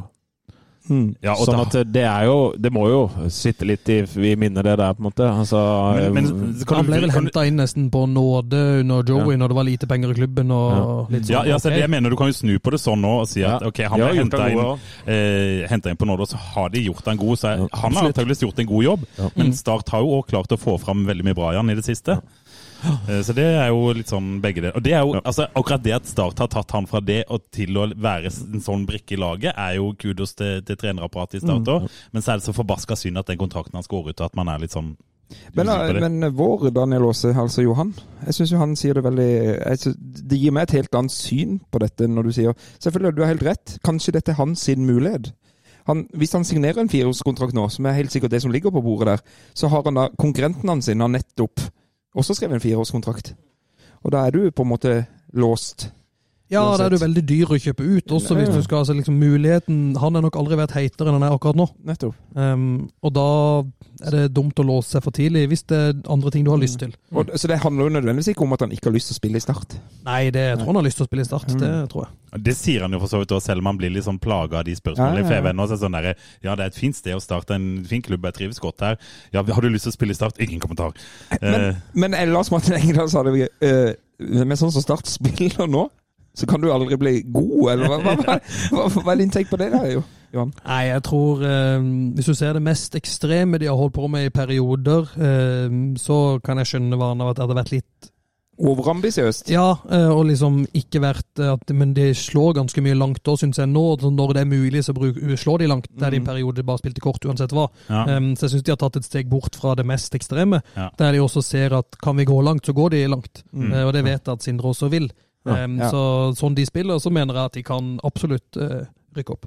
For det, kommer, det tredje målet, eksempel, eh, i Ja, går, ja, kommer jo på en lang ball. Vi Og, det. Ja, ja de har skåret mange mål i år. det er blitt mer og mer av det. men vi, Ja, men det for vi trenger ikke være enig i Lars Martin Engdahl, selv om han har verdens fineste navn. Men vi gleder oss til å ha han med oss. Ja, det blir fint. Vi Ja. får det i løpet av høsten. Ja. Det er mange nå Etter at, eh, eh, etter at målforskjellen vår går opp, så har jo min motivasjon gått opp òg, så ja, Det var, det var ikke bare Start som hadde krisemøte, for å si det sånn. Det var startet på da. Nei, så Lars Martin Engdahl ligger klar, og eh, eh, eh, Atle Roar Haaland kommer, og Jesper Mathisen har jo sagt i Start et år at han kommer, så det er jo Han har jo vært med da en gang, det skal han da. ja, Ja. da. Så Men det er gutter, flere gjester Nå, Nå blir det langt. videre. Nå må vi på startbørsen. Ja.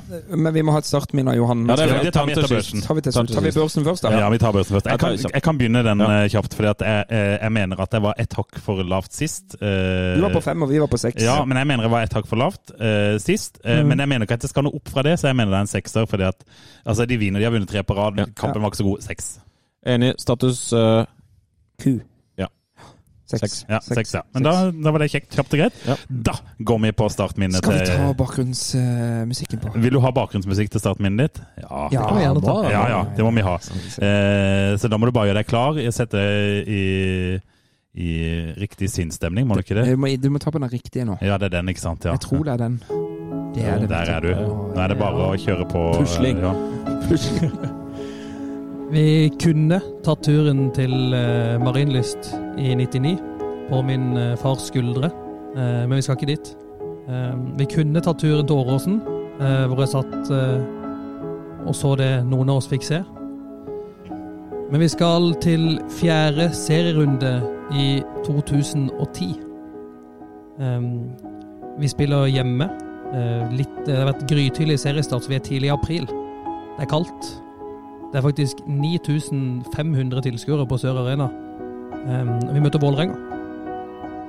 Um, og ganske tidlig i kampen så er det et frispark. Ganske midt på banen. Midt på halvdelen til Vålerenga. Jeg sitter bak, altså over der Luncia står nå, med ganske god utsikt den veien. Og Christian Bolanjos stiller seg opp og bare limer ballen i krysset. Og det å bare se den ballen på vei inn dit, og euforien på tribunen og Nei, det var Det var rått. Så det var ditt beste startminne, Johan Jørgens Nilsen. Ja. Jeg kan se det målet for meg når han snakker lyrisk om det her. 5-3. 5-3. Da Det der frisparket der Jeg- Men jeg bare, Det er typisk meg, men jeg tar jo sikkert feil. Men jeg tror det var på andre sida. Nei, det tror jeg ikke. Nei, det er Det er bare å gå inn og sjekke. Drit nå i det der. Det er bare å gå inn og sjekke. Ja, ja, men fytte Men altså, det åh, Jeg blir Men helt jeg sånn husker det veldig godt. ja. åh. Nå, Curler noe voldsomt, den ballen her. nå må vi gi oss. Ja, vi må det. Og jeg syns Ja. det var et strålende Et strålende minne. Tusen takk. Tusen takk for at du kom. Og for at du Takk brukte at så komme. mye tid med oss. eh, Ja, Nå blir sikkert eh, de på hjemmebane fornøyde, tenker jeg. Eller hun. Ja da. Det går fint. Det er bare hyggelig. Men uh, vi hyrer deg gjerne inn som vår Daniel Aase en annen Ja, gang. ja, ja. Det er bare å si ifra. Det blir kvalik-oppsummering her. Ja, og det blir det i hvert fall. Det blir gøy. Tur over Varebroa! Nå, nå trykker du på alt mulig på en gang. Ja. Ja. Heia Start! Heia Start. Heia Start. Heia Start. Inn i 22 resignerte ender! Hvor er gløden? Hvor er engasjementet? Jeg har ingenting å tape!